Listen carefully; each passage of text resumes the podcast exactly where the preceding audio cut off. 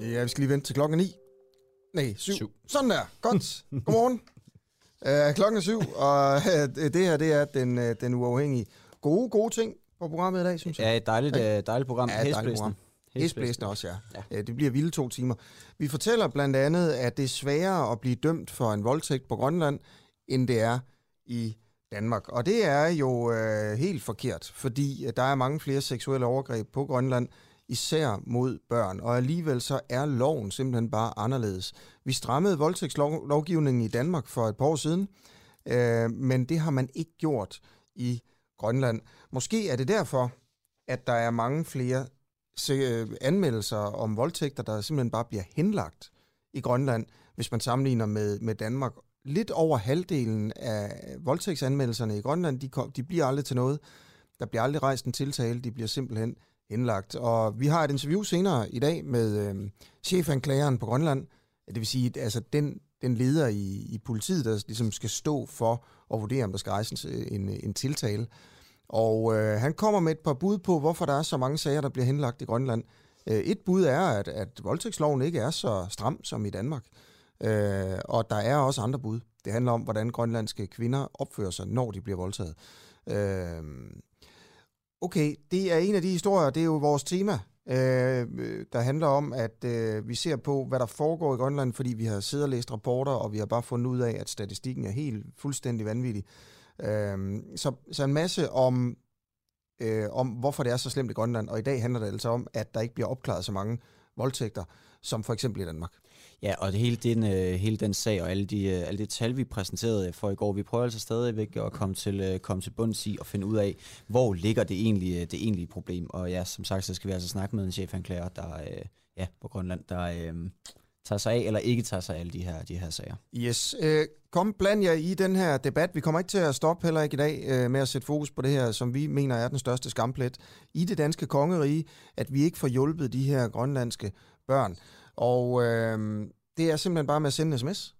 Øh, og det gør man jo, Nikolaj, hvis man gerne vil skrive ind til os og komme med en god idé øh, til for eksempel, øh, hvordan vi skal lægge tryk på her, sådan at magthaverne får løst det.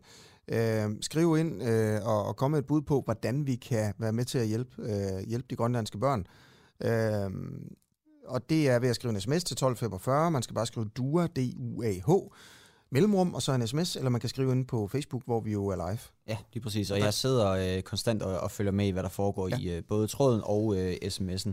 Vi skal også øh, kort smut til øh, Katar. Det er starten af næste time, hvor vi taler med kulturordfører for enhedslisten, Søren, øh, Søren Søndergaard.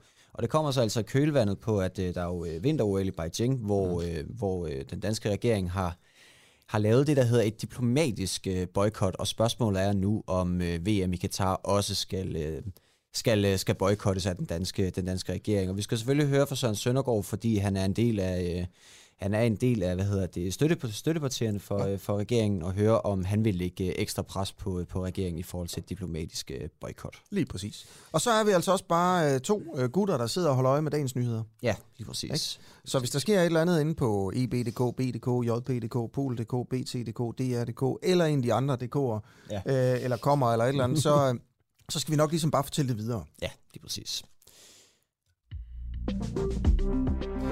Og så er jeg i tvivl om, vi har øh, altså vicepolitiinspektøren ved Nordjyllands politi med nu eller senere. Øh, det er lidt en, øh, altså det er lidt usikkert, hvornår han egentlig tager telefonen, er det ikke rigtigt? Jo, lige præcis, fordi han er jo en, øh, han er en travl mand, og der Ja. er garanteret også, øh, der er jo en, en, der er en kæmpe stor efterforskning i gang lige nu i, øh, i Nordjylland, og det drejer sig altså om øh, Mia Skadehakke Stævn, der, øh, der forsvandt på mystisk vis øh, i, øh, i weekenden. Ja. Og øh, i går der anholdt man øh, to 36-årige øh, årige mænd, der i dag skal, skal fremstilles i grundlovsforhør. Lige præcis. Øh, Hvem er det? Øh, Hvad, hvad, hvorfor sigter man for drab, for eksempel? Har man et lig? Alle mulige ting. Øh, og jeg får lige altså, at vide her fra Barry, der står ude ved siden af, bag ved glasruden. Han ryster lige lidt på hovedet, Nikolaj, så jeg tror simpelthen ikke lige, vi har vicepolitiinspektøren med endnu. Nej. Øh, det er sådan, at det er svært at lave en aftale med ham. Ja, lige præcis. Det kan lige så godt sige. Som Så det er selvfølgelig også fint nok. Ja. Men øh, det er noget, vi kommer til at følge, følge op på i løbet, af, i løbet af morgenen og præsentere, sådan, hvad ved vi, og, og hvad har vi fået at vide indtil videre, og hvad kommer der til at ske fremadrettet. Vi arbejder selvfølgelig på at få Frank, øh, Frank Olsen på, men øh, det er ikke sikkert, det lykkes.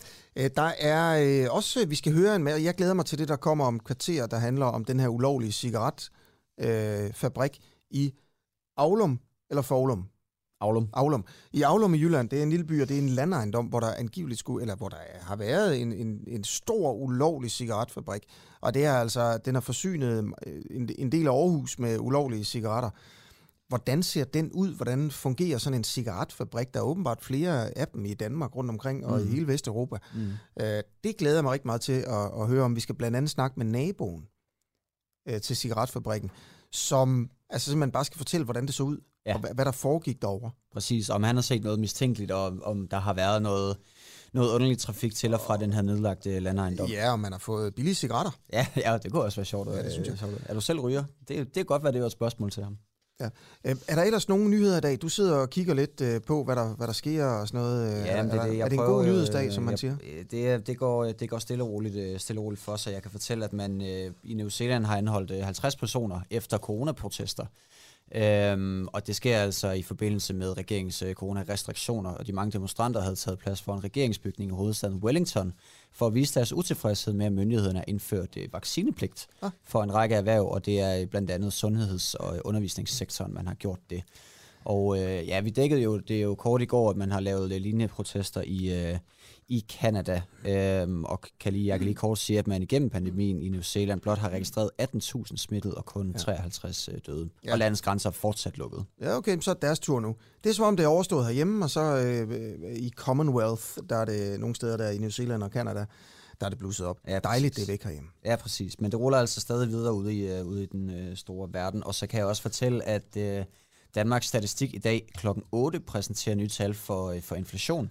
Inflation, ja. det er altså de tal, der viser os, hvordan uh, dagligvarer kommer til at, uh, kommer til, til at stige i pris. Og det er altså også noget, jeg sidder og holder øje med i løbet af, her i løbet af morgenen. Okay, så vi er simpelthen breaking på, hvis der sker lidt inflation i løbet af programmet. Ja, præcis. Jeg, jeg skal nok fortælle, hvis din pose med, pose med kaffe kommer til at stige 5 kroner. Ja.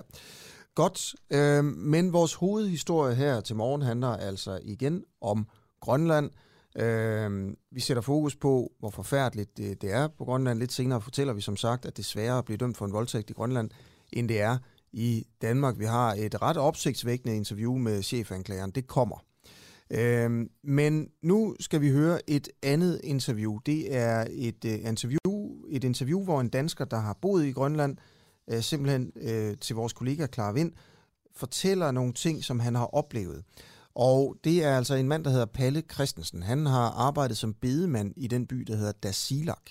Og Dasilak ligger på det østlige Grønland, og det er en af de, de værste byer. Og han har altså boet der i under et år. Og, men han fortæller alligevel i det her interview, der var cirka 10 minutter, lidt over faktisk, øh, om de ting, han har oplevet, og det er altså helt vildt, øh, at man kan opleve det på under et år. Han fortæller om børn, der har hængt sig selv, forældre, der tæsker babyer, øh, en kommune, der prøver at tegne et billede af noget, der ikke stemmer overens med virkeligheden. Men som sagt er det også et af de værste steder i Grønland, det skal man også lige huske her. Øh, og der er jo lavet flere undersøgelser om, hvordan det står til på Grønland, og den seneste undersøgelse, som ligesom sammenligner de forskellige kommuner og områder i forhold til seksuelle overgreb, ja, den, øh, den fortæller altså, at her i Dasilok, i det her område, der er det mere normalt for børn at blive udsat for seksuelle krænkelser, end, end ikke at blive udsat for seksuelle krænkelser. Der er simpelthen mere end 50 procent af de unge, der fortæller, at dengang de var børn, der blev de udsat for seksuelle krænkelser. Okay, og det her, det er altså Palle Christensen, som fortæller om, hvordan det var at bo i Dasilak i uh, lidt under et år. Jeg var inde og besøge en kollega, der er kommet op. Så skulle, jeg over, og så skulle vi over til en af hans venner, fordi jeg bare gerne ville prøve at ja, snakke med Så sad vi og drak nogle øl, og ja, og så, og så, så kommer der små så lige pludselig så begynder hende der datterens veninde at græde. Jeg ved ikke, om hun er en 14-15 år, et eller andet. Og så ham, han sidder og kramser på hende. Og så tænker jeg, okay, det, øh, det, det, det ville jeg ikke. Så, så, så jeg gik ud derfra. Så jeg, så jeg så ikke, hvordan det videre udviklede sig. Det var simpelthen, altså, så, den person, du var hos, jeg skal bare lige, altså, kongehuset her. Det var, ja, det var hans kammerat, eller hvad skal man sige, han, hans nabo. Så vi ind, skulle vi ind til dem, fordi de holdt fest. Og så havde datteren en veninde på besøg, eller, ja, eller en ven af hus, eller hvad det var. Og så ham der, der ejede husen, altså faren, han, øh, ja, jeg ved ikke, om han var fuld, og så, ville han, så begyndte han med det der. Hvor gammel tror du, han så, har været? Jamen, han var nok, det ved jeg ikke, midt 50, okay. tænker jeg. Og, og hun var nok, det ved jeg ikke, 13-15 år eller sådan noget. Og så begyndte hun at græde, og så tænkte jeg, hvad fanden er det her? Så gik jeg derfra. Så dagen efter, så spørger jeg ham Apollo, ham øh, jeg arbejdede sammen med, hvad, at, øh, hvad det gik ud på. Og, så, og han, kunne ikke, han kunne ikke sådan lige forstå, hvad jeg spurgte om. Så gentog jeg så situationen, hvad der var sket, og så sagde jeg, at det var mærkeligt. Så sagde han, at det var fordi, at det var hans hus, og at de måtte være der, og så var det hans piger. Og det er sådan, det, det er åbenbart sådan en normal ting, at man holder det inden for dørene, og der er en, der bestemmer inden for dørene der. Ja, ja. Det, øh, men jeg tror, det er de familier, der ikke er fuldt med tiden, øh, at, øh, at, at det stadig er sådan, fordi der er også mange eksempler på, at det, hvor det er en ganske normal familie. Men lige det der område, så, og jeg har spurgt flere om det, og de siger også, at det, det er det bare. Altså ham der, ham, der ejer huset og giver hus, han er sådan frit slag til at gøre præcis, hvad han vil, med hvem han vil, og næsten hvornår han vil. Har, har du oplevet sådan i, øh, i sådan også i hverdagen, det der med, at man ikke skal blande sig i andre sager? Altså du siger også, at det er din ven, du sagde det til, at øh, han, han, du ved, det var ikke øh, underligt for ham, lige da han hørte det. Nej, han kunne ikke forstå, at jeg synes, det var mærkeligt. Men, øh, men jo, det har jeg. Jeg, jeg så en, øh, en, øh, en... Der var en slåskamp deroppe, hvor jeg, hvor jeg lige kom. Jeg var lige kommet op. Og så øh, er der en dame, der er ved at øh, ja, banker hendes børn sammen med, sammen med faren. Og så går jeg over og råber og siger, hvad fanden er det her? Og så løber børnene om bag moren og faren, og så flyver moren og faren på mig. Og, det var, og børnene, de havde lige fået en, øh, fået en, altså en afsindig røvfuld. Og så gik der ikke ret længe, så kom politiet og myndighederne, og så tog de moren og faren og tog bør, og fjernede børnene. Hvor, hvor gamle var de her børn? Altså, den yngste kunne knap nok gå. Øh, det var ikke... Øh, det var også derfor, fordi hun, der var sådan en lille pige, hun kom bare flyvende hen ad en grusvej. Og så tænkte jeg, what? Det, øh, det kunne jeg ikke lige overskue at kigge på. Så jeg ved ikke, hun var nok to. Og så, det ved jeg ikke, så var de nok en 7 og 11 eller 5 og 9 eller ja. Og selv den yngste fik også en røvfuld? Ja, den, ja det, var, det, det var derfor, altså de, de, to, de to største, de løb ud og græd ud på vejen. Og så lige pludselig kom der bare en baby flyvende. Var der andre end dig, der gik derover? Ja, min, øh, min nabo, en der hed Carlo, øh, en, øh, en der har været i Danmark, som så har boet op, deroppe i Tarsilag i mange år, han, øh, han kom også derover. Det var ham, der ringede til politiet og til, øh, til social, eller hvad det hedder. Mm. Altså, øh, nu, nu har Tarsilag har jo været en af de steder, der har været næsten allermest fokus på i forhold til øh, overgreb og, og vold og alkohol. Hvad er din fornemmelse af, at er det blevet bedre? Øh, altså, da, da jeg kom derop, der, der oplevede de her to ting sådan, sådan ret hurtigt. Og så holdt jeg mig sådan lidt på afstand fra, øh, fra, fra, hvad skal man sige, fra slumpen, eller fordi, fordi jeg vil ikke, jeg kan, jeg, kan ikke, jeg kan ikke bare kigge på. Men så, så var der jo den der restskat uge, den har du hørt om. Det er bare ligesom, når vi får skat tilbage. Det, det er bare det, de har betalt for meget, eller alle, der er på kontanthjælp, de får restskat tilbage, der var det slut juli eller start august eller sådan noget. Det var lige der omkring. Lige efter sommerferien. Jeg tror, det, jeg tror de lægger den der for, at, at børnene kan få en god skolestart, og forældrene har penge til at købe de ting, de skal have. Mm. Eller, eller noget den Men den ligger så sent på året, så, så da de fik penge tilbage, så var alle jo bare fulde, og hele den periode, lang tid efter det, der var der meget om aftenen, ligegyldigt hvor sent jeg var ude, så løb altså børn fra 3 år til 15 år, de var udenfor hver nat. Altså hele natten, for der var, der var lys døgnet rundt. Og så spørger jeg nogle af dem, hvorfor, at, øh, hvorfor de er ude. Og så siger de så, at de ikke vil være hjemme, når mor og far de drikker. Så altså, byen den var bare fyldt med små børn, der løber leget, eller løber gennem sig for sine forældre. Hvorfor ville de ikke være hjemme hos deres forældre? Jamen, jamen det, det, det tror jeg, det er, jeg tror, det er tilbage til første historie, med at øh, når mor og far bliver fulde, så kommer der til at ske nogle ting. Så de her børn, de løber simpelthen bare frit rundt om natten i byen? Ja, det, øh, det overrasker også mig meget. Men ja, det gjorde de. Hver, hver nat i en måned halvanden måned, der var, der var alle børn bare ude, indtil det begyndte at blive for koldt til at kunne være ude, der, der boede alle børn bare udenfor. Er der ikke nogen, der... Øh, der er ikke nogen, der blander sig i det? Altså, det, du kommer jo udefra, og fra Danmark til Tassilak, men er der ikke andre, der blander sig? Jo, men nej, altså, og det er, også, det er også det, der skuffer mig meget, fordi øhm, hende områdeschefen, der er deroppe, altså en virkelig, virkelig, virkelig dygtig dame og et rar menneske, men, men hun vil jo ikke have, at sådan en historie og alt det her, det skal være overskriften for byen. Hun vil have de gode historier frem, med de der 5% af børn, der klarer det godt og er god til en eller anden sportsgren og kommer videre i deres liv, men det er jo ikke, det er jo ikke dem, der, det er jo ikke dem, der er fællesnævneren for det hele. Så, så det er noget, de vil ikke have det ud, men det er der bare, og så lukker det lidt øjnene for det, fordi det bare har været sket altid. Tror jeg. Er, har du nogensinde overvejet noget, hvor du fortrød, at du ikke øh, gjorde noget mere? Øh, nej, jo, det har jeg. Jo, jo, det har jeg. Men, men det, var, det var lige efter, at jeg prøvede at gøre noget, og så lige pludselig så vendte hele familien mod sig. Altså dem, der slåsede mod hinanden, hvor jeg prøvede at hjælpe de svage, så hoppede de jo alle sammen bare på mig. Men, øh, men, men efter, hvor jeg, jeg, så en, jeg så en lille pige, hvor der var to mænd, der trak hende ind, der, der, havde jeg, der skulle jeg have gået op og have ja, trukket, trukket pigen ud. Men øh, ja, alle, alle, alle i den by har gevær, så jeg ved sgu ikke, om, øh, om man skal ikke have våben til det. Så jeg, ved, jeg havde sgu ikke noget til at gøre det der, efter jeg havde lige prøvet det. det var, der havde heller ikke været deroppe ret længe. Hvor trak de hende ind henne? Bare ind i huset. Jeg tror, hun ville ud, fordi hun var ked af det, og så blev hun holdt inde. Og hvordan, Hun prøvede i hvert fald at komme ud af døren. Jamen, det er jo Hvordan ikke, ligesom var en de voksen mænd? mand. Jamen, de virkede...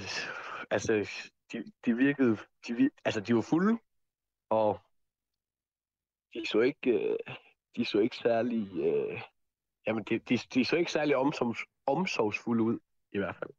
er der mange øh, spædbørn og børn generelt i byen? Ja, helt vildt. Helt vildt. Altså, børn, børn fra, altså børn i skolealderen, fra, eller børnehave fra 0 til 14, det er helt vildt, så mange der er. Altså, det er, det, det er helt vanvittigt. Men det er jo også, det er jo også de selvmord, det der kommer, det er jo når, at, de, at øh, børnene skal begynde at klare dem selv. Altså når de skal er færdige med folkeskolen og skal flytte væk fra deres forældre og finde ud af, at de ikke kan komme ud af byen, fordi mor og far ikke har nogen penge, og de bare må klare dem selv, og nu får de ikke flere penge. af- Nu får mor og far ikke flere penge af kommunen til at passe dem, og så gider de ikke dem mere. Hvor, hvor ofte hører man om selvmord i byen? Jamen, det, det, er meget, det er meget forskelligt. Lige da jeg kom, der, der skete der et par stykker. For jeg, jeg kørte jo, jeg, var, jeg kørte bedemand deroppe også. Øh, jeg skulle begrave dem. Men lige da jeg kom, der skete der et par stykker, og så var der faktisk, øh, så var der faktisk ret meget ro på. Og så kom, øh, så kom alle folk hjem fra efterskole og skoler og sådan. Og så dem, der havde været på efterskole, der sådan nok havde fundet ud af, at de ikke skulle væk fra byen af igen, og vidste, at de bare var, øh, var låst i, øh, i, i Tassilak, de, der, der lige efter, øh, at sommerferien var færdig, der skete der, der skete der et par stykker. Dem, Jeg du tror, der skulle der ske tre på en uge. tre på en uge. Og Hvad var det unge? Ja. Og dem, du var med til at begrave, da du lige øh, startede som bedemand, var det også unge mennesker? Ja, de, ja, de to første, jeg begravede, det var, det var unge mennesker. Og er det sådan, altså er det under 18 år? Øh, jamen, det, det, det, det, det ved jeg ikke. Men, øh, men, men de var ikke... Øh, altså, jeg, jeg tror, hvis vi, vi tager grænsen på under 20, så kan jeg godt sige, øh, så kan jeg godt sige ja. At det, det, det er jeg sikker på, at de var. Hvordan reagerer folk på de her selvmord? Jamen, de, øh, de, de går jo helt ned. Altså, det, det, er, det, det, det er værre skrigeri. Jamen, jeg ved, ikke, om det er, en- jeg ved ikke, om det er en overreaktion for at vise, at man, at man gerne vil gøre noget, eller om, eller om de virkelig mener det, fordi min, min makker Apollo, øhm, han havde en datter, der hed Ruth. Mm. Hun var lige kommet tilbage fra Nuuk, hvor hun var blevet færdiguddannet. Og så skulle hun jo så hjem og bo, fordi hun, jo ikke kunne, hun kunne ikke bo i Nuuk, for der er så meget boligmangel overalt på Grønland. Så kommer hun hjem igen, og hun er hjemme i, det ved jeg ikke, tre, fire dage. Og så, øh, om, hvad var det? Det var søndag morgen, så blev jeg ringet op, at der var en pige, der havde hængt sig. Nå, så skulle jeg så gøre en kise klar til hende, og så finder jeg så ud af, at det er Ruth. Og så siger jeg så til ham Apollo, at øh, så ringer jeg til ham, og så spørger jeg, hvordan han har det, og så, og så ved han det ikke endnu. Så, nå, men og, så siger jeg det ikke. Så finder han så ud af, at, øh, at det er hende, og så ringer han til mig, og så er han helt færdig. Det, øh, det kunne han ikke overskue. Men øh, selv den dag, vi skulle, øh, hvad hedder det, dagen efter begravelsen, der kommer han på arbejde igen, snakker ikke mere om det, siger ikke, altså nævner ingenting, virker ikke nedtrykt, virker ikke noget, så, så som om dagen bare gik videre. Og det var hans datter, der havde hængt sig? Ja. Og der var ikke nogen, der sagde, altså han sagde ikke noget på arbejde, det var bare videre med dagen? Ja, eller han, han, han var ked af det indtil, at, øh, indtil de havde begravet hende. Og så var det som om, at da begravelsen var færdig, og de var færdige med at være ked af det den dag, der var begravelse, så, så var det kapitel færdigt for dem. Har du været tæt på at tage hjem, fordi det har været øh, psykisk hårdt? Ja, vi havde været til sådan noget fodbold, og så en af mine kammerater, han var fuld, og så faldt han og slog hovedet. Og der var en masse, der så ham, der ikke gad at hjælpe ham, fordi man hjælper ikke hinanden, når man er fuld, så lader man folk bare ligge ud i sneen. Men øh, han døde. Øh, der hvor at, øh, og, ham, og ham begravede jeg. Og dengang jeg skulle begrave ham, det var kraftigt ikke, øh, det var ikke, øh, det var ikke sjovt. Det, altså, Men, det var fordi, der ikke nogen, der hjalp ham, fordi han var fuld. Det, det er sådan, man gør. Man øh, hjælper ikke, hvis folk selv er fulde, så er det deres eget problem. Ja, altså, hvis, også da jeg kom op, så det er tit, når man, hvis du kører en tur gennem byen, så kan du ligegyldigt hvad tid på året der, så kan du altid se, der ligger nogen, der sover rundt omkring på vejen, eller en i snedrive, eller, eller et eller andet. Og, og jeg har prøvet, jeg prøvede i starten med at prøve at hjælpe dem og ringe. Nej, nej, men de vågner igen lige med. Det var fordi, de var trætte, de har lagt sig. Og jeg tænkte, nå, nå, ja, jamen, det, det er fint nok. Men det er også sådan noget, går børnene også og kigger på mm. hele tiden. At der, ligger, at der ligger voksne mennesker og gør det der. Ja, det Danmark, der skal hjælpe mere til, eller Mm, nej, altså, jamen, jamen, altså det, det ved jeg ikke. Jeg, jeg tror, man skal... Jamen, det, det ved jeg ikke, fordi de, de har også et... Øh, de har et, hvad hedder det, sådan unge, unge hjem, kollegie, unge kollegie for folk fra 7. til 9. klasse. Øh, for dem, der kommer ud fra sådan nogle små bygder, de kommer derind. Men jeg, jeg var dernede, og så skulle jeg sætte, øh, hvad hedder det, sikre alle badeværelser, sådan at de ikke havde noget, de kunne hænge sig op i, og så videre, og så videre, og så videre. Men de, også dem, de tager også livet af sig selv, dem der kommer fra bygderne. De hænger sig bare i håndvasken, så sætter de sig bare ned på røven, og så strangulerer de bare dem selv. Det er, ikke, altså det, det er flere gange, jeg har fundet nogen, hvor de ikke har, altså, hvor de bare kunne rejse sig op, hvis de ikke gad, men de, de vil seriøst bare væk. Altså, og de finder ud af, at de aldrig... Du har fundet ja, børnene. Nogen? Ja, ja, jeg har jo, når der er nogen, der skal hente, så har vi jo, så bliver jeg jo kaldt ud. Jeg har set, jeg har set, jeg har set flere, der har hængt. Og hvor gamle var de? Jamen altså, hvad, var, hvad, hvad var den yngste? Det var jo det var nok 14, 15, 14, 14 tror jeg, 15. Men, men, men, men det, det, det er når de finder ud af, at, at skoledagen eller at deres liv er slut. Det er som om, at det er der, det går galt. Det er i hvert fald, det er i hvert fald altid folk, der er kommet tilbage fra noget godt i Danmark, eller er blevet færdig med en uddannelse, og ikke kan komme væk igen. Altså det er som om, når de har afsluttet det, de godt kan lide, så, øh, så ved de godt, at de kommer ikke videre. Altså, det, altså, altså man kan sige, hvis Tønder-sagen havde været heroppe, så havde det bare været endnu en dag. Ja, det er altså øh, Palle Christensen her, som har øh, boet i Grønland i lidt under et år, og som fortalte lidt om sine oplevelser. Øh, som en del af det tema, vi har, hvor vi sætter fokus på øh, forholdene i Grønland, og især sætter fokus på de seksuelle krænkelser, af børn og de mange sædelighedsforbrydelser på, på Grønland og stiller spørgsmålet om, hvordan vi får løst den her skamplet i det danske kongerige. Hvordan får vi hjulpet de, de grønlandske børn, fordi det går ikke særlig godt. Det går faktisk fuldstændig forfærdeligt. Øh, lidt senere fortæller vi øh, i et interview med chefanklageren øh, på Grønland, øh, at øh, lidt over halvdelen af de voldtægtsanmeldelser, der så trods alt kommer, de bliver faktisk henlagt, fordi det er svært at bevise noget. Øh, det er faktisk sværere at bevise noget på Grønland, end det er i Danmark. Det er blandt andet, fordi lovgivningen er anderledes, men også fordi, øh, siger chefanklageren, at der sandsynligvis er en eller anden, øh, et, et reaktionsmønster på Grønland blandt øh, de, de kvinder, øh, som bliver voldtaget, øh, som man ikke øh, på samme måde ser i, øh, i Danmark. Men det kommer lige præcis, hvad det er, og sådan noget, det, det kommer lidt senere.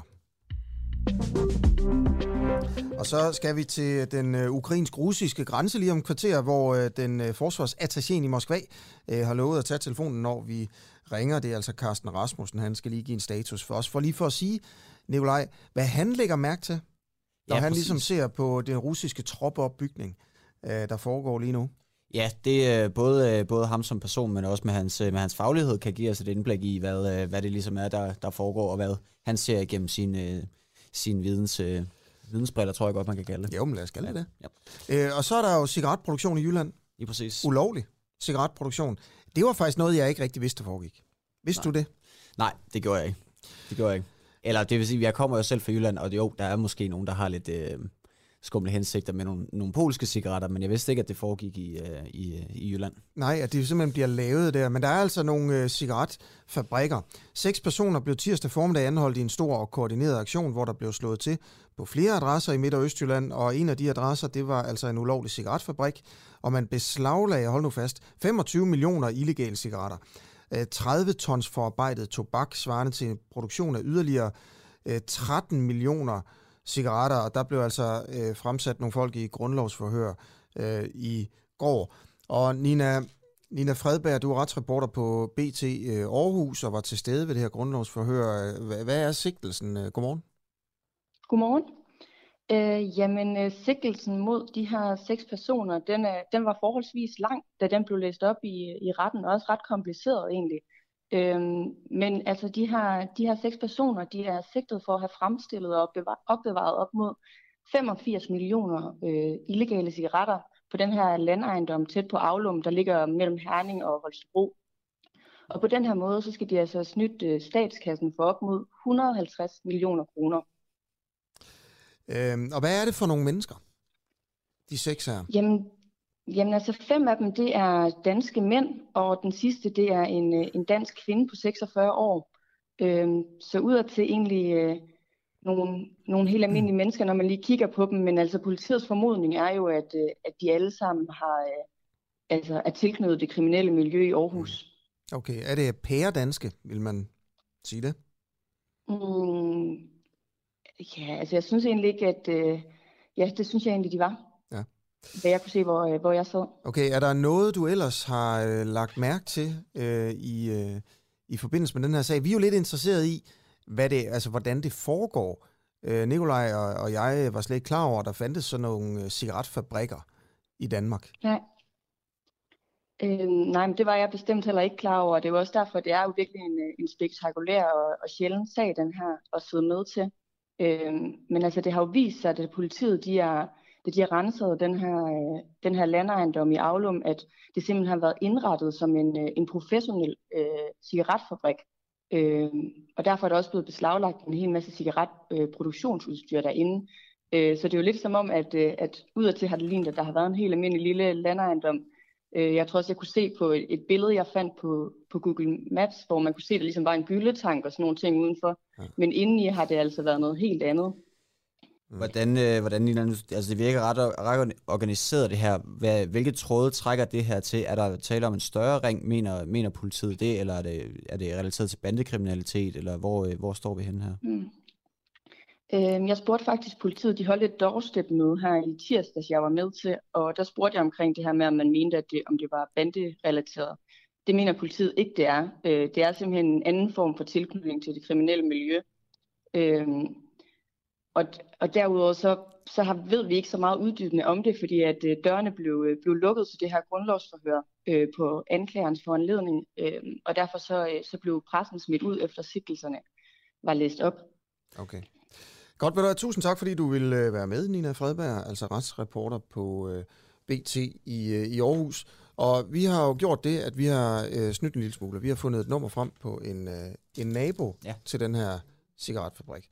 Og nu skal jeg lige have sat telefonen i. Sådan der. Yes, og vi ringer op til ham nu, og det, vi skal tale med Kasper Holm Nielsen, der altså øh, var nabo, eller er nabo til den her ulovlige, ulovlige cigaret, øh, cigaretfabrik. Og se, om han har stået op på det her tidspunkt. Det er Kasper. Godmorgen, Ja. Kasper. Godmorgen, Kasper. Du er i Ja, godmorgen. radioen. Ja, det Ja. er super. Ja, men det er jo dejligt, du vil det. Uh, vi sidder og snakker om uh, cigaretfabrikken. Ja. Øh, Hvordan, Jeg er nabo. du er nabo til den, altså hvordan, uh, hvordan ser den ud? Jamen, det er jo en almindelig øh, landejendom, altså en almindelig øh, nedlagt gård, øh, som, som vi selv bor på. Øh, så det er jo bare et ganske almindeligt hus udadtil, altså med, med en staldbygning og en gyldetank. Så det ser jo helt normalt ud. Okay, Jamen, der er jo ikke mere at sige om det så. Altså har du nogensinde været derhenne? Øh, nej, det har jeg ikke. Øh, det eneste, vi sådan øh, har haft bekendtskab øh, med dem, eller hvad kan man sige, det, det er simpelthen, når vi lige har kørt forbi. Øhm, men, men vi har aldrig været inde og hilse på. Altså, vi ved, at ham, der, der ejer øh, ejendommen, han lejer den ud. Så, ja. så det, han må så have lejet dem ud til, øh, ja, til det foretagende der. Ja. Har, du, har du nogensinde hils på dem øh, derovre, sådan lige øh, sådan, goddag, altså, goddag nabo? Ikke, ikke, ikke sådan i gårdsplads. Det, så har det været i bil, hvor vi kører forbi hinanden, men, det, men det, det har tit ofte været øh, forskellige biler. Vi har set en, øh, i, i hvert fald to forskellige biler, og så en lastbil sådan en gang imellem. Øh, ja. ja. Okay. Jamen, det kan jo godt være, at der ikke rigtig er noget at fortælle. Jamen, jamen øh, altså, det er jo svært, fordi nu, vi flyttede jo ind i sommer, og, øh, og vi har altid, øh, uden at sådan spekulere sådan super meget øh, yderligere ud over det, så har vi egentlig altid så er det lagt lidt i baghovedet, at, at, at der måske var et eller andet, som ikke helt var, som, som det skulle være, fordi det virkede bare lidt underligt. Mm. Med, øh, så kom der en polsk varevogn, eller så stod der en gaffeltruk i, øh, i gårdspladsen, og der stod pallevis med underlige ting op langs huset, vi ikke helt kunne se, hvad var. Øh, og igen, sådan, vi, vi har sådan undret os, men det er ikke noget, vi sådan har tænkt yderligere ud over, og, og bestemt ikke, at det var en illegal cigaretfabrik, der var lige ved siden af os. Nej. Det, er, øh, det er lidt vildt, synes jeg. Du siger en polsk øh, varevogn? Ja, øh, i hvert fald noget østeuropæisk øh, indregistreret. Øh, ja. Okay. ja. Er der ellers noget at fortælle om cigaretfabrikken? Vi er jo bare nysgerrige på, altså, ja, hvad, hvad, hvad sådan noget er, hvordan det foregår, og øh, hvem der gør det, og, og sådan nogle ting. Ja, jamen jeg, øh, jeg er ikke helt... Øh, altså, vi er jo lidt i, vi er lidt i chok, fordi vi tænkte mm. sådan, sker der ikke i Danmark. Øh, og, og så lige inde ved siden af. Men, ja. men lige hvordan det er foregået og alt sådan noget der, det, det ved jeg desværre ikke ret meget om, fordi vi, ja. Vi, vi fandt først selv ud af det her lige ja. det, ja. i går. Men, øhm... Og du har ikke været over forbi naboen lige at få en karton cigaretter for at sige det her Nej, til... Nej, får dem på uh, til skarp pris. Nej, desværre ikke. Nej, okay. Der skulle man have været hurtig måske. ja. Men øh, skal vi sige, at vi skal stoppe interviewet nu her så? Jamen, det er helt fint. Eller hvad? Jamen, jeg tror ikke, der er så meget Nej. mere. Nej. Men I har noget. Nej. Jeg kunne godt lige tænke mig at spørge, sådan, du siger, at der var nogle mistænkelige ting, der var, der var pallet op på, øh, på ja. øh, altså, øh, nogle, nogle ting, der var dækket over, eller hvad, hvad, hvad, hvad var det, der gjorde, at det, det, vi, vi, det var vi? Troede, øh, vi har egentlig altid troet, at det var noget tømmerrelateret, der foregik derop, fordi det var mange paller. Mm. Øh, vi, har, vi antog, at det var sådan nogle trapriketter eller sådan øh, øh, dele altså til, til møbelproduktion eller sådan et eller andet. Mm. Det var vores første antagelse, fordi man er jo altid lidt nysgerrig af naturen, når man ser, at der står så meget. Øh, ja. ja. Øhm, men, men ja, igen med, med stor lastbil, var der og gaffeltruk, øh, det, det virkede bare underligt. Med, ja. Og så udenlandske varevogne og sådan noget. Mm. Ja. Ja, jeg tror, det var det. Jamen, det er Tusind tak for interviewet. Ja, tak for det, Kasper. Det var så lidt, og, og god dag til jer. Ja, lige måde du. Ja. Hej. Hej, Kasper Holm Nielsen her, altså nabo til den ulovlige cigaretfabrik. Og sådan blev klokken øh, lige en lille, øh, lille bitte, bitte ja, smule over øh, halv otte. Ja, lige præcis. En lille bløb over, over halv otte, som man siger. Og vi har fået et par kommentarer angående vores, øh, vores Grønlandshistorie. Ja. Øhm, der er blandt andet Ole Ravn, der skriver, at det her det er sket alle dage, øh, og de 50, eller 30-50.000 danskere, der har været deroppe og arbejdet, de ved alt om det. Og vi vil selvfølgelig gerne have flere, øh, mange flere beretninger, fordi vi øh, selvfølgelig gør alt, hvad vi kan for for at komme til bunds i, øh, i det her, øh, det her øh, altså, den her kæmpe skamplet, som du ganske rigtigt kalder det, øh, kalder det Asger, på, øh, på det danske kongerige. Øh, og Jane Eskilsen, hun skriver også, med indrømme, at jeg lige nu er glad for, at min søn har takket nej til at tage til Grønland som tømmer, da han fik tilbud for nogle, øh, for nogle uger siden. Det er jo helt frygteligt, det der, det der sker. Og det kan jeg jo kun, øh, kun være fuldstændig enig i.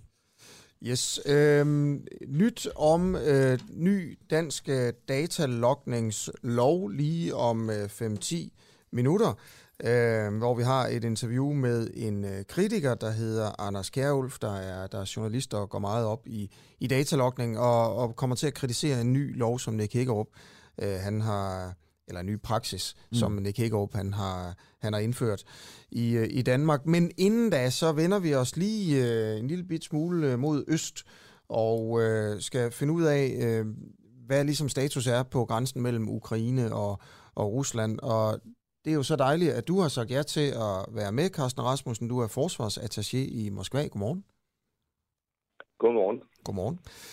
Øh, hvad hæfter du der ved, når du ser på sådan øh, på hvad der foregår øh, der i grænseområdet?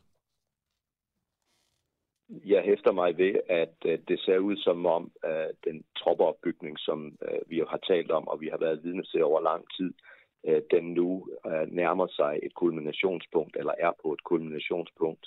Øh, øh, deployering af russiske styrker til Belarus med henblik på deltagelse i en øvelse, der starter i dag. Vi taler om 30.000 russere, ser ud til at være afsluttet. Den russiske forsvarschef var i Belarus i går øh, for at starte øvelsen, øh, som altså kører fra i dag.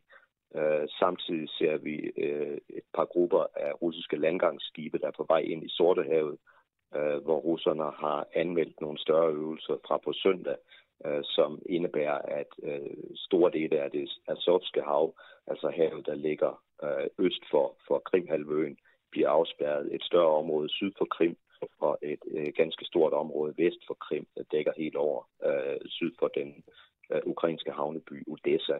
Øh, så, så det vi kigger ind i i den, den kommende periode, de kommende øh, dage, er en fase med meget højt øh, militært aktivitetsniveau øh, på Ukraines grænser, både nord for, øh, øh, øst for Ukraine og også syd for Ukraine i Sortehavet. Og øh, hvad, du, du kalder det for en kulmination. Hvad, hvad, ja. hvad mener du med det? Jeg mener, at det er, at vi når det er, det er et toppunkt for den militære opbygning, øh, vi har set. Øh, alle de ting, som har været på vej øh, fra andre dele af Rusland øh, mod Belarus, øh, mod øh, den ukrainske grænse og mod Krim og Sortehavet, det synes nu at være ankommet eller være meget tæt på ankomstområdet. Okay. Er der andet, der også er netop er ankommet eller er meget tæt på at være ankommet, udover det, du lige har nævnt? Uh, nej, det er der ikke. Altså, der, der, der er mange forskellige små elementer, men det, det vil uh, tage helt formiddagen, hvis jeg skal liste dem alle sammen. Ja. Okay. Og så er selvfølgelig spørgsmålet jo, øh, hvad så nu? Ja, det er jo øh, det, er jo det spørgsmål, som, øh, som vi alle sammen gerne vil have svar på, men så er meget vanskeligt at finde svar på. Altså man kan vel sige, at der er et antal optioner, og, og russerne har alle optioner åbne i øjeblikket, og, og man kan sige, at der, der er tre hovedoptioner her. man kan vælge at angribe nu, hvor man har alt på plads øh, altså inden for ganske kort tid. Uh, man kan også vælge at opretholde presset og så uh, indlede en militær operation senere. Eller man kan vælge at deeskalere. Og hvilken af de her tre hovedoptioner, der vælges, jamen det kommer uh, vel fuldstændig an på, uh, hvordan uh, udviklingen er på den uh, politiske og diplomatiske front. Ja. For Rusland, at det man gerne vil have uh, ved de uh, forhandlinger, de møder, øh, som finder sted i, øh, i de her dage og uger. Altså der har vi jo lige set den franske præsident være på besøg i Kreml. Øh, den nye tyske forbundskansler kommer over i næste uge. Så det må jo være en, en, en russisk vurdering, der foretages af, af lederne i Kreml. Kan vi opnå det, vi gerne vil, mm. uden at øh, udløse en militær konflikt? Mm. Du øh, er jo forsvarsattaché i, i Moskva. Har du øh, adgang til efterretninger og oplysninger, som ikke er fremme i offentligheden om, øh, om det her? Ja, det vil jeg ikke tale om. Hvilken vej peger det? Altså, i, du, du nævner de her tre scenarier, ikke? Hvilken, øh, hvilken retning mener du, at, øh, at, at det peger i? Det, det, er en vurdering, jeg ikke kan, det, det er en vurdering, jeg ikke kan lave, fordi jeg mener oprigtigt på baggrund af, det, af den viden, vi har, og det vi ser, at alle de her scenarier, de er fortsat åbne. Og, og jeg kan ikke gå ind og, og sige, at, at option 2 er mere sandsynlig end option 3 eller option 1. Det, det kan jeg simpelthen ikke. De er alle åbne. Okay. Hvad, hvad, hvad, hvad kigger du på Øh, fordi når man sidder hjemme i Danmark og, og kigger, så er der jo alle mulige forskellige ting. Øh, det kan være, at man, man, man har øjnene rettet mod øvelsen i, i Hvide Rusland, øh, eller opbygningen ved grænsen, eller skibene, eller måske de diplomatiske øh, forhandlinger, øh, hvor Putin mødes med den ene og den anden. Øh, øh, hvor, hvor har du øjnene rettet hen? Jeg, har, jeg forsøger at holde øjnene rettende mod to forskellige øh, steder på samme tid. Øh, den ene, og det jeg synes faktisk er meget vigtigt at holde øjnene rettet mod øh, lige i øjeblikket, det er udviklingen på øh, den diplomatiske politiske front. Hvad sker der der? Er der nogle indikationer af, at man kunne gå ind i et forhandlingsforløb, øh, og dermed, at der kunne ske en militær deeskalation? Øh, det synes jeg er meget vigtigt og meget interessant at følge med i i øjeblikket.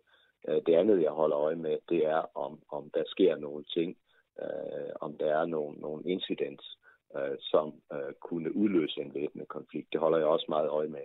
Ikke bare, hvad der sker, men også, hvad der bliver sagt. Øh, som et eksempel på, eksempel på det kan jeg nævne, at den øh, belarusiske præsident Lukashenko for et par dage siden øh, i en, en, nogle kommentarer indikerede, at den øvelse, der foregår i Belarus nu, den kunne blive vendt mod enten Ukraine, eller den kunne blive vendt mod NATO.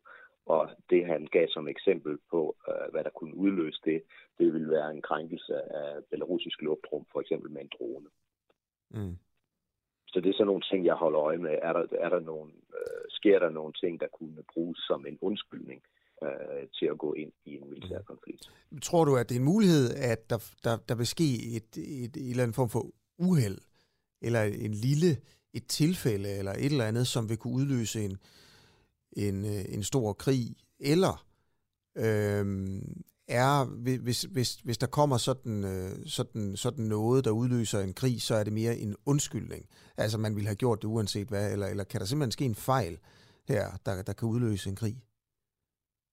Altså når der er mange mennesker til stede, så kan man jo aldrig øh, udelukke, at der sker fejl, og det også kunne, øh, når situationen er så højspændt, øh, kunne udløse en konflikt.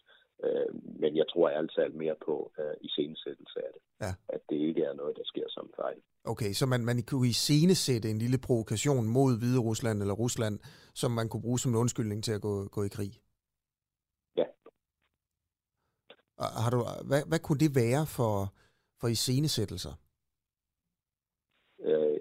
Øh, der har jo øh, været øh, også i, i øh, hvad hedder de, øh, åbne kilder, også i medier, øh, igennem nogle tid tale om, at man kunne lave det, der hedder en uh, false flag operation. Uh, og det kunne, som Lukashenko sagde forleden dag, uh, det kunne være en påstand om, at, uh, at uh, belarusisk luftrum var blevet krænket af en drone eller et fly. Mm. Uh, at det kunne være et uh, undskyldning. Og sådan noget, det kan i sættes naturligvis. All right. Jamen, Carsten Rasmussen, forsvars, forsvarsattaché i Moskva. Øh jeg tænker, vi bare siger tak for interviewet her. Hvad, hvad tænker du, Nikolaj? Ja, jeg tænker det samme, og øh, vi vil selvfølgelig gerne øh, holde, holde en lille snor i dig, Carsten. Er det okay, vi ringer til dig øh, igen en anden gang?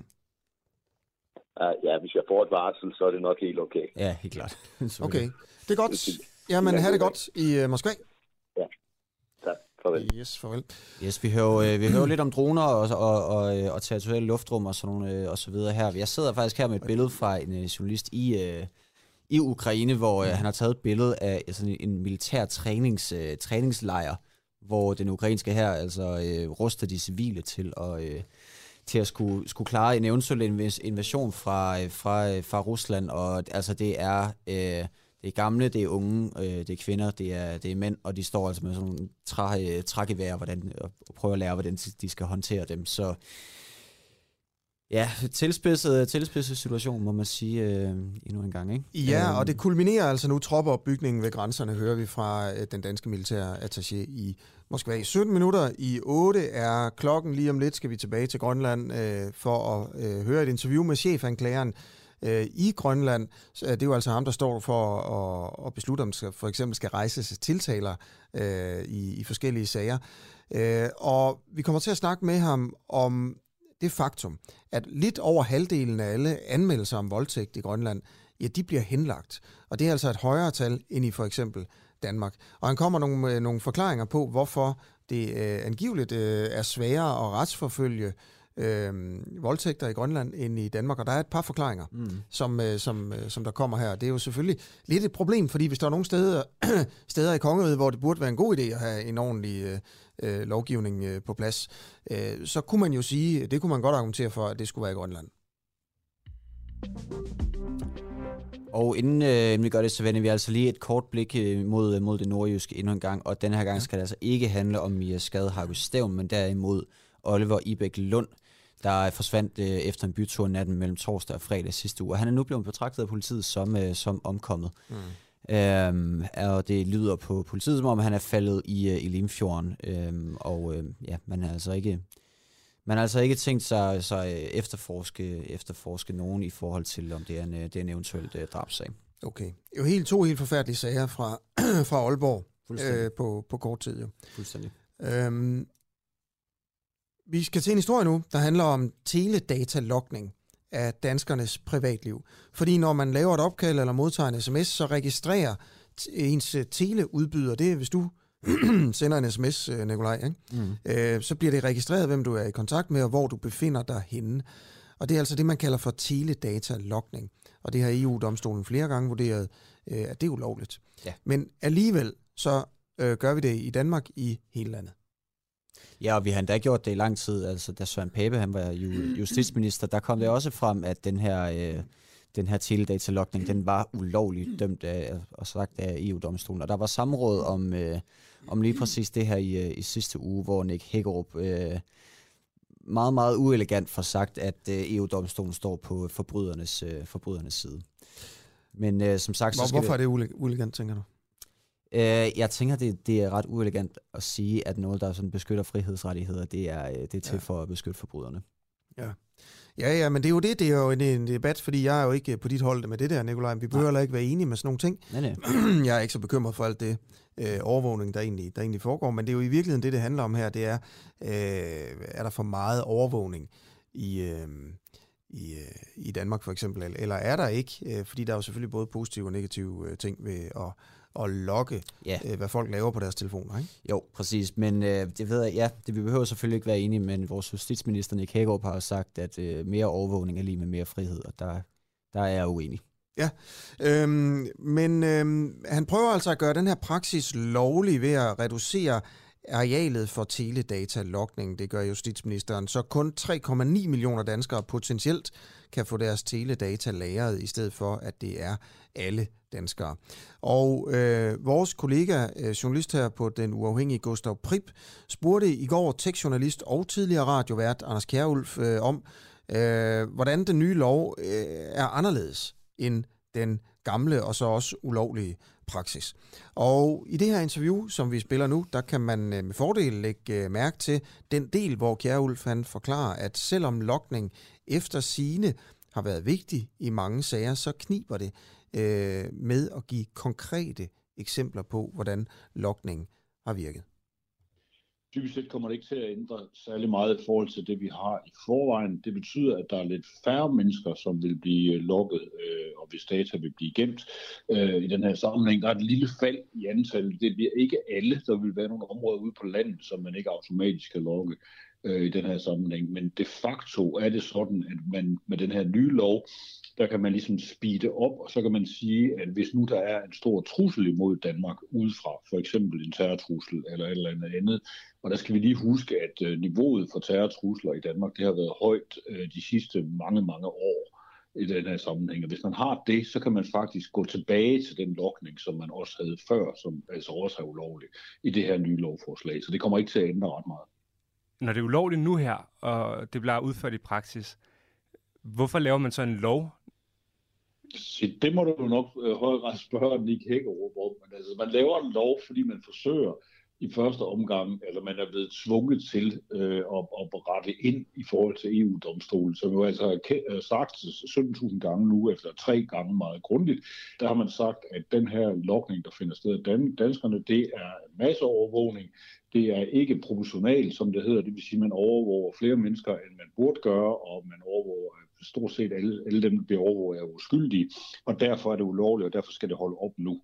Og derfor så laver man sådan en lov, hvor man, hvor man prøver at få det til at se ud som om, i hvert fald, at, at man gør, man lokker mindre. Men altså, Nick Hækkerup har jo sagt lige ud, at han er uenig i de her domme. Øh, hvis det stod til ham, skulle der slet ikke laves noget om. Nu prøver han så på at lave et eller andet, som man så håber, at EU-domstolen vil godkende, og det tror jeg ikke, de vil. Okay, men det er simpelthen for at øh, forhindre terror, at man laver teledatalogning? Den oprindelige idé med det var simpelthen, at det blev indført for at bekæmpe øh, terrorisme, ja. Og nu er det så langsomt har det bredt sig til at være et fuldstændig standard værktøj, som politiet trækker op af, af værktøjskassen, næsten uanset hvad det er for nogle sager, de har. Øh, man siger så, at det skal, den skal, det skal foregå med en dommerkendelse eller retskendelse hver gang, øh, og det får det til at lyde som om, at det er utroligt besværligt øh, værktøj at benytte sig af, og det er det ikke, og det, det er meget nemt at få de her retskendelser, og politiet øh, får virkelig mange af dem hver eneste år.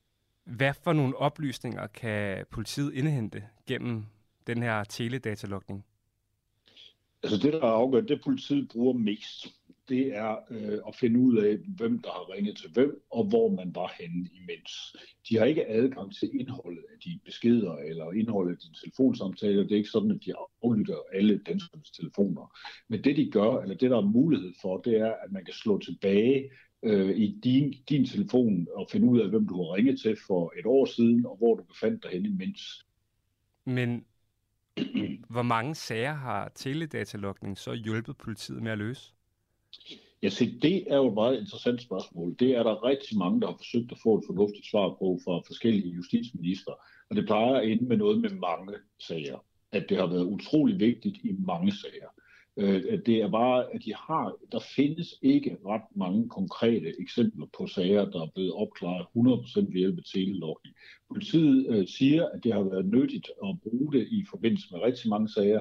Balladen har været, at der faktisk, øh, at der faktisk i øjeblikket bliver der gennemgået en stor sagsbunke. Jeg tror, det er 5.000 sager, der er ved at blive gennemgået nu af politiet, fordi det har vist sig, at der har været fejl i nogle af de data, man har hentet ned, og nogle af de beregningsmetoder, man har brugt til at fastslå placeringen af de her telefoner, de har været forkerte. Og det betyder, at der er en masse sager, hvor der har indgået teledata i, øh, som en del af bevismaterialet øh, der, der har det faktisk vist sig, at, øh, at det har man ikke kunne bruge til noget. Så nogle af de her sager har simpelthen været nødt til at gå over, men i hvert fald skulle tjekkes igen i den her sammenhæng. Men de mener altså, at det, det er meget nyttigt, men, men det er meget, det kniber meget alvorligt med konkrete eksempler, når man spørger dem. Så det her lovforslag, det er et lovforslag til noget, som ikke er effektivt? ja, Altså, jeg, jeg vil mene, at det her er, øh, hvad hedder det, jeg synes ikke, det er så meget et spørgsmål om, hvorvidt det er effektivt eller ej, det her lovforslag. Fordi det kunne det sagtens blive. Vi kan sagtens gøre det her effektivt, hvis vi gerne vil. Altså, der er jo ikke nogen tvivl om, at vi kan forhindre og vi kan opklare al kriminalitet, hvis alle borgere for eksempel fik, lad os bare sådan tænke ud af boksen, hvis vi alle sammen fik skudt sådan en lille tip ind i armen, øh, når vi blev født, så man hele tiden kunne se, hvor folk de var hen. Det er jo samtidig noget, som betyder, at vores, øh, vores frihed bliver mindre, fordi at, øh, jeg mener ikke, at, at man kan sige, at man bevæger sig frit, hvis man bliver overvåget og registreret imens. Så er det ikke en fri bevægelse, så er det en overvåget og registreret bevægelse. Og derfor så er vi nødt til at tage stilling til, hvor meget vi vil have af det her. Fordi der, teknisk set, så kan man jo alt muligt i dag, hvis man har lyst. Det er bare ikke sikkert, at vi skal. Og jeg synes måske, vi skal begynde at tænke os seriøst godt om, fordi den her mobiltelefon, som vi har, det er faktisk øh, de facto i dag vores chip i nakken, om man så må sige. Nick Hækkerup, justitsministeren her i landet, han mener jo, at øget overvågning er en forudsætning for frihed og tryghed. Er øh, øget overvågning ikke en øh, forudsætning for frihed og tryghed? Nej, det er det ikke. Det er, øh, altså, man fristes jo til, altså nogle gange så tænker man, der nogle gange tror jeg, at, at man skulle tro, at vores politikere, i hvert fald Nick Hagerup, han læser øh, George Orwell's 1984, som om det er en instruktionsmanual.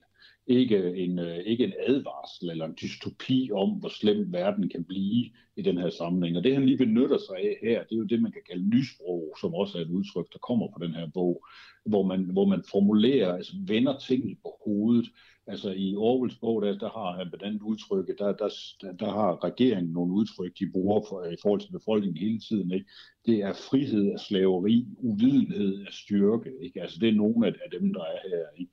Og krig og fred er, er også en af de udtryk, man bruger i den her sammenhæng. Ikke? Og det, det han gør med det her, det er at vende det fuldstændig på hovedet på, på en meget, meget øh, dumstedig måde. Jo, at han bliver ved med at påstå, at det er noget, han mener. Øh, og jeg, jeg, det, hvis han gør det, så, så mener jeg, at han er skruet alvorligt forkert sammen øh, op, op i det, den logiske del af hovedet, fordi altså, overvågning kan aldrig være frihed. Altså, det kan være, at overvågning kan give øh, tryghed og sikkerhed, hvis det, hvis det anvendes korrekt, og hvis det anvendes på en måde, så øh, hvad hedder det, vi, vi ikke krænker de almindelige borgers øh, frihedsrettigheder. Og vores frihedsrettigheder, de inkluderer både efter EU-domstolens og min mening, øh, at retten til, at vi også kan bevæge os anonymt rundt, uden at vi bliver registreret hele tiden, bare fordi vi har en telefon i lommen.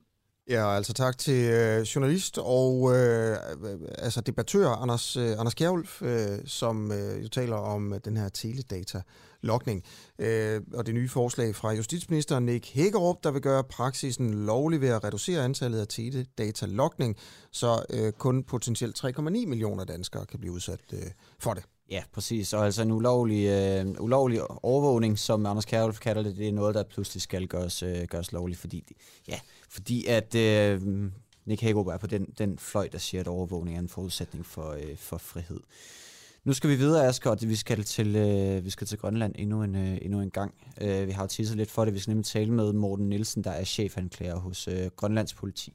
Lige præcis. Øh, og øh, vi stiller jo spørgsmålet om øh, politikerne, magthaverne i Danmark og Grønland, øh, burde, øh, burde sørge for at, at gøre det nemmere at blive øh, dømt for en voldtægt i Grønland, for at være helt ærlig. Det, det synes jeg er det, det handler om ja. øh, nu her. Der er øh, noget lovgivning, som er forskelligt i Danmark og Grønland.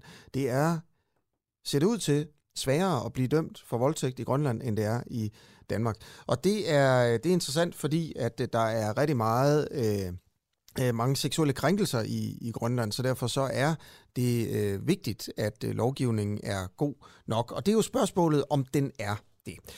Og vi har jo i de seneste dage gennemlæst øh, sådan øh, mange rapporter om seksuelle overgreb mod børn på, på Grønland, og vi kan jo bare se, at øh, fakta er, øh, ret øh, chokerende på det her på det her område. Det har vi også talt øh, talt meget om. Øh, I den kommune, hvor det går bedst, mm. der er det kun øh, 27 procent af de unge, der siger, at de var øh, blevet udsat for seksuelle krænkelser som børn.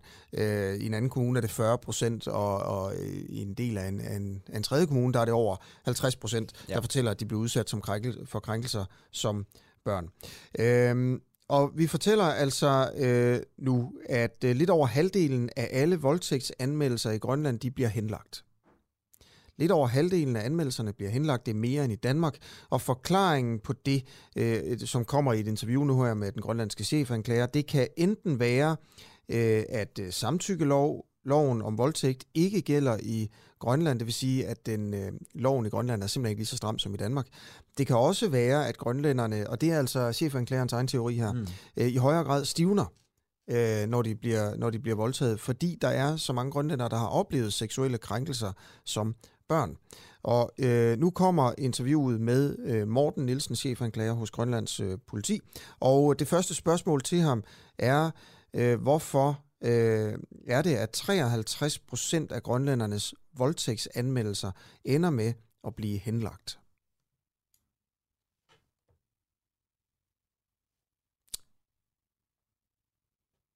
Ja, jeg arbejder lige på at få det, få det til at spille. Ja, jamen, det er fint. Jamen, jeg, jeg, jeg kan lige sige noget øh, øh, i mellemtiden her. Der er altså 240, vi har, vi har fakta fra 2020, øh, og i forhold til seksualforbrydelser, så er der faktisk en stigning. er jo... Oh.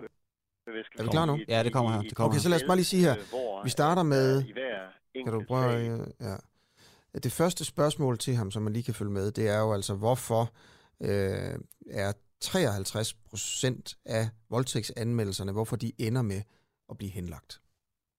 Det øh, er jo, hvad skal vi sige, et, et, et, et tal, øh, hvor at der i hver enkelt sag er en konkret begrundelse for, hvorfor lige netop den sag, øh, den øh, bliver øh, henlagt. Og øh, jeg tænker, at grunden til, at en sag henlægges, jamen, det svarer vel i virkeligheden til de grunde, man kender fra, øh, fra Danmark hvor at øh, de sager, hvor der bliver rejst en tiltale, jamen det er jo de sager, hvor man fra anklagemyndighedens side vurderer, at den vil kunne føre til en domfældelse, og hvis man ikke mener, at sagen vil kunne føre til en domfældelse, jamen så følger det sådan set af bestemmelserne i retsplejeloven, at så skal man lade være med at rejse en tiltale. De sager, hvor at man så ikke mener, man kan føre det øh, fornødne bevis, Jamen, det er jo så de sager, hvor det for eksempel står påstand over for øh, påstand, øh, og hvor at der ikke er nogen tekniske spor eller andre spor, som understøtter den ene forklaring frem for den anden, jamen der er det jo sådan i et retssystem, heldigvis for det, at enhver øh, rimelig tvivl skal komme den øh, mistænkte øh, til gode. Og jeg vil så sige, øh, hvad skal vi sige, måske komme med en disclaimer her fra starten af, at øh, det er i hvert fald øh, lige nu er værd at være opmærksom på, at bestemmelsen om voldtægt, den har en øh, udformning øh, i henholdsvis Danmark og Grønland, som er øh, forskellig. Man har i Danmark indført den her øh, samtykkebaserede øh, voldtægtsbestemmelse, hvor vi i Grønland stadigvæk kører videre, indtil videre i hvert fald, med den øh, bestemmelse, man havde i, i Danmark før lovændringen. Hvorfor det? Hvem, Jamen, de hvem bestemmer fordi, det? De lovind... Jamen, det er Folketinget. Og Det- det er jo sådan, at øh, man i Grønland har øh, sin egen kriminallov. Og det er jo, hvad skal vi sige, øh, noget, som er historisk begrundet henset til en særlig retstradition i Grønland, et særligt øh, foranstaltningssystem. Man taler ikke om straffe i Grønland, man taler om foranstaltninger, og man har måske traditionelt haft øh, et øh, lidt øh, øh, større blik øh, på, øh, på behovet for resocialisering, før at man i Danmark øh, begyndte at, at, at tænke så meget på, på resocialisering af gerningsmænd. Men, men hvem er det, der har derfor har bestemt, at øh, voldtægtsparagrafen ikke være, skal være så skrab i Grønland, som den er i Danmark? Jeg, jeg, jeg, jeg, jeg, jeg tror, at den mere præcise måde at, at sige det på, at det er, at der er ikke nogen, der endnu har bestemt, at øh, voldtægtsbestemmelsen skal ændres i den retning, hvad man har fået i Danmark. Og hvem kunne i så fald, Øh, altså i givet fald, bestemme det?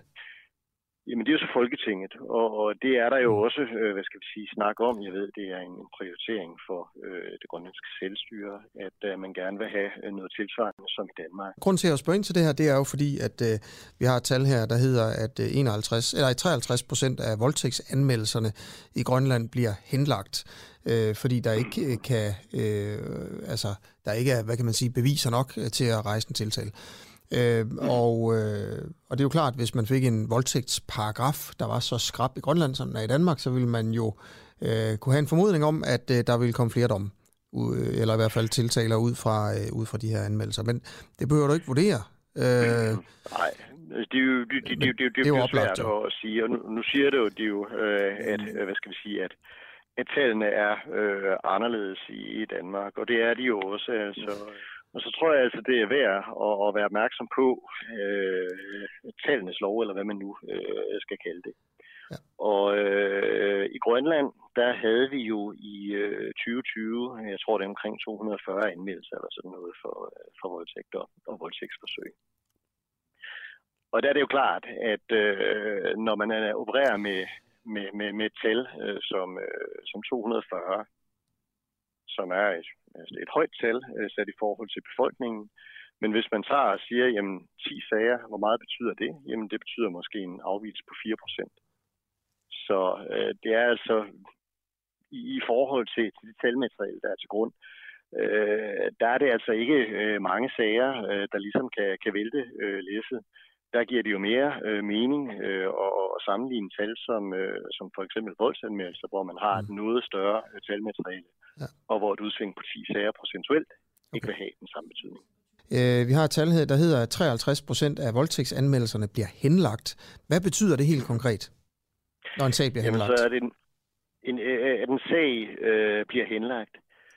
Det øh, betyder jo, at øh, politiet har fået en, øh, en anmeldelse, og efter at have øh, vurderet den og, foretaget den efterforskning, der nu er nødvendigt for at foretage en vurdering af sagen, jamen så beslutter man sig til, at øh, den her sag den øh, ikke øh, kan føre til en domfældelse.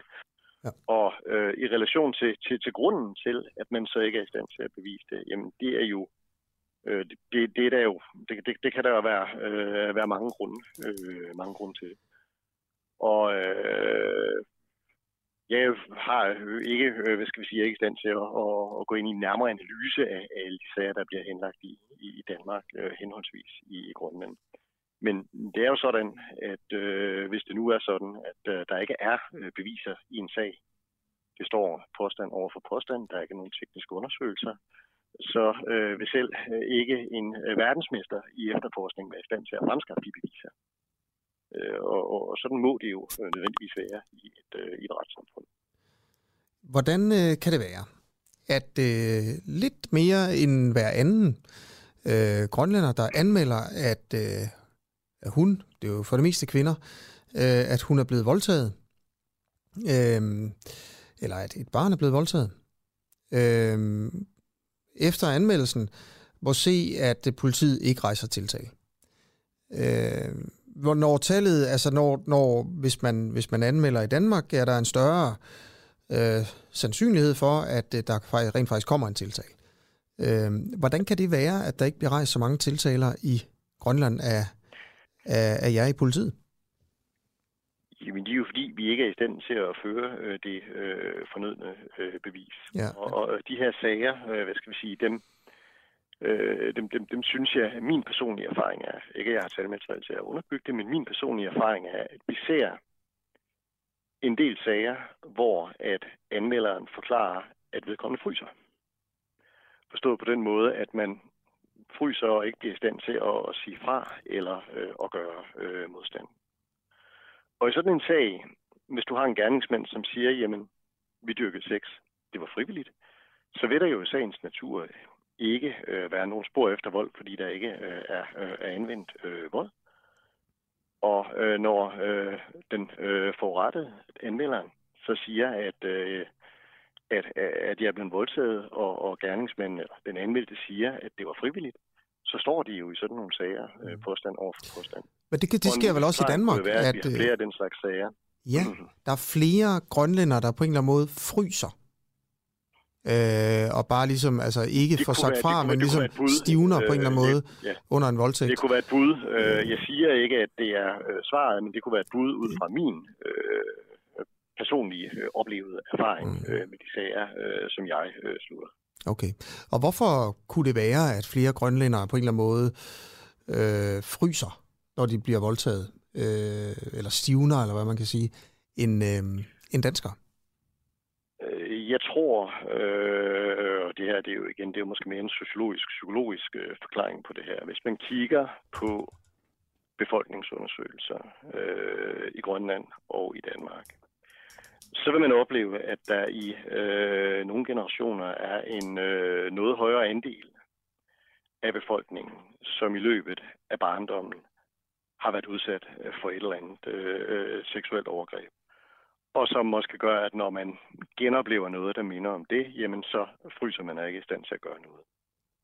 Men det er øh, noget, som, hvad skal vi sige, som, som nok er mere psykologisk. Øh, jeg er jo kun en, en, en ydmyg jurist, øh, så øh, det vil nok være bedre, at øh, du får den psykologiske forklaring af en eller anden psykolog. Mm.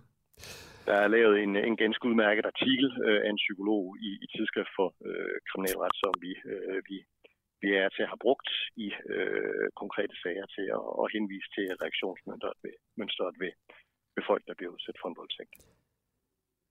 Øhm, de her 240 anmeldte voldtægter, der har været i, øh, i Grønland i, i 2020, hvor lige, lidt over halvdelen simpelthen er blevet henlagt, øh, fordi man ikke kunne, øh, kunne, kunne rejse tiltale. Øhm, er, er, er det også børn, der er med i det? Er der også børn med i de 240? Øh, det starten på 240 øh, kan der øh, meget øh, vel øh, være. Mm. Der, er jo, der er jo langt flere børn, der bliver udsat for seksuelle krænkelser i Grønland end øh, i Danmark. Mm-hmm. Øhm, ja. Øh, og du siger, en, du gætter på, øh, ud fra din erfaring, vi er helt med på, at der ikke er statistik på det, men det kan være, mm-hmm. øh, at det er sværere at rejse en tiltale, fordi at man, de her grønlænder ikke får sagt ordentligt fra, fordi de på en eller anden måde stivner. Øhm, eller, ja, eller, eller, altså, eller fryser? Jeg, jeg, jeg, jeg vil mere sige det på den måde, altså hvis, hvis der er nogen, øh, der, ja. den der, der måske er en større andel, der ligesom fryser øh, ja. og ikke øh, gør øh, fysisk modstand, mm. og at der derfor ikke øh, er nogen fysiske spor efter vold, der overvinder den her modstand. Præ- præcis. Øh, kan det være, fordi det er børn også? Altså vi simpelthen har at gøre med, at det er børn, der bliver voldtaget? I højere grad end i Danmark?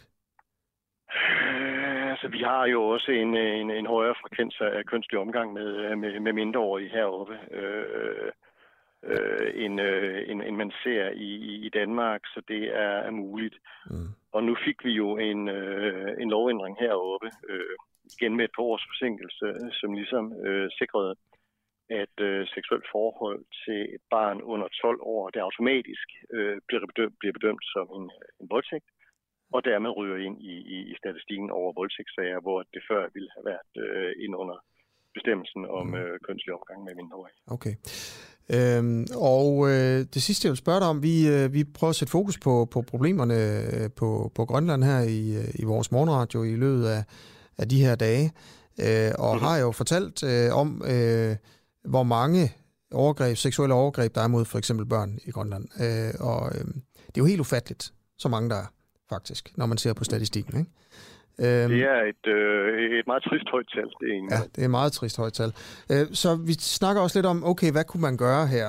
Øh, og det, du fortæller mig i det her interview, er jo egentlig også, synes jeg, det, det overrasker mig, men, men det er jo bare fordi, jeg ikke er, har sat mig nok ind i sagerne, men at, at man har en, en voldtægtslovgivning i Grønland, der ikke har fulgt med den danske, øh, og hvor vi jo har fået det her med, øh, den her bestemmelse om, at der skal være samtykke inden sex. Øh, og, og det har man vi, vi, vi, simpelthen ikke i Grønland, vi, siger du. Jeg synes, jeg vil sige, altså, man, man vil jo altid, øh, og det gælder for alt øh, lovgivning af den, som øh, man, øh, man, man, man fastlægger i Folketinget. Der vil altid være en øh, forsinkelse, ja, fordi men... de høringsprocesser, som der er, der er det jo ikke rimeligt, at man i Danmark venter ja. på, at man ligesom får taget Grønland med i det. Nej, så jeg skal bare lige det, jeg skal spørge dig om. Det er jo heller ikke, ikke relevant. Det er jo heller ikke for at snakke om, om, om processen er god eller dårlig, eller et eller andet. Det er bare for at snakke om, skulle man have den her samtykke øh, paragraf i Grønland også? Øh, og så kunne jeg jo tage den med til, til, til, ja. til nogle magthavere, hvis det var, øh, som en mm. mulig løsningsmodel. Ikke? Så skal jeg bare spørge dig her, hvis man, hvis man får den paragraf i Grønland også, altså at der skal være samtykke før sex, som man har i Danmark, men mm. som man ikke har i Grønland, øh, vil det så øh, hjælpe jer til at kunne rejse flere tiltaler og få flere voldtægtsforbrydere øh, dømt?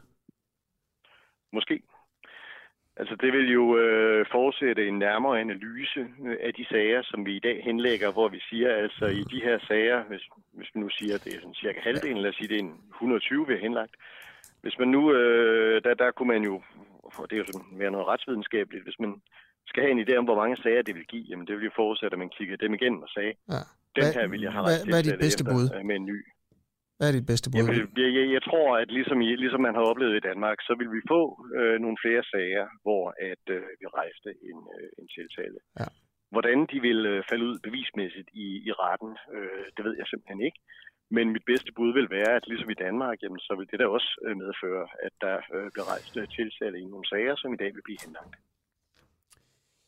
Ja, der har altså været stigning i anmeldte øh, seksuelle forbrydelser i, øh, i Grønland over de seneste år. I tal fra 2020 siger, at der har været 748 anmeldelser mod øh, 558 i 2019. Øh, og ud af de 748 anmeldelser er altså 338 imod børn under, under 15, øh, 15 år.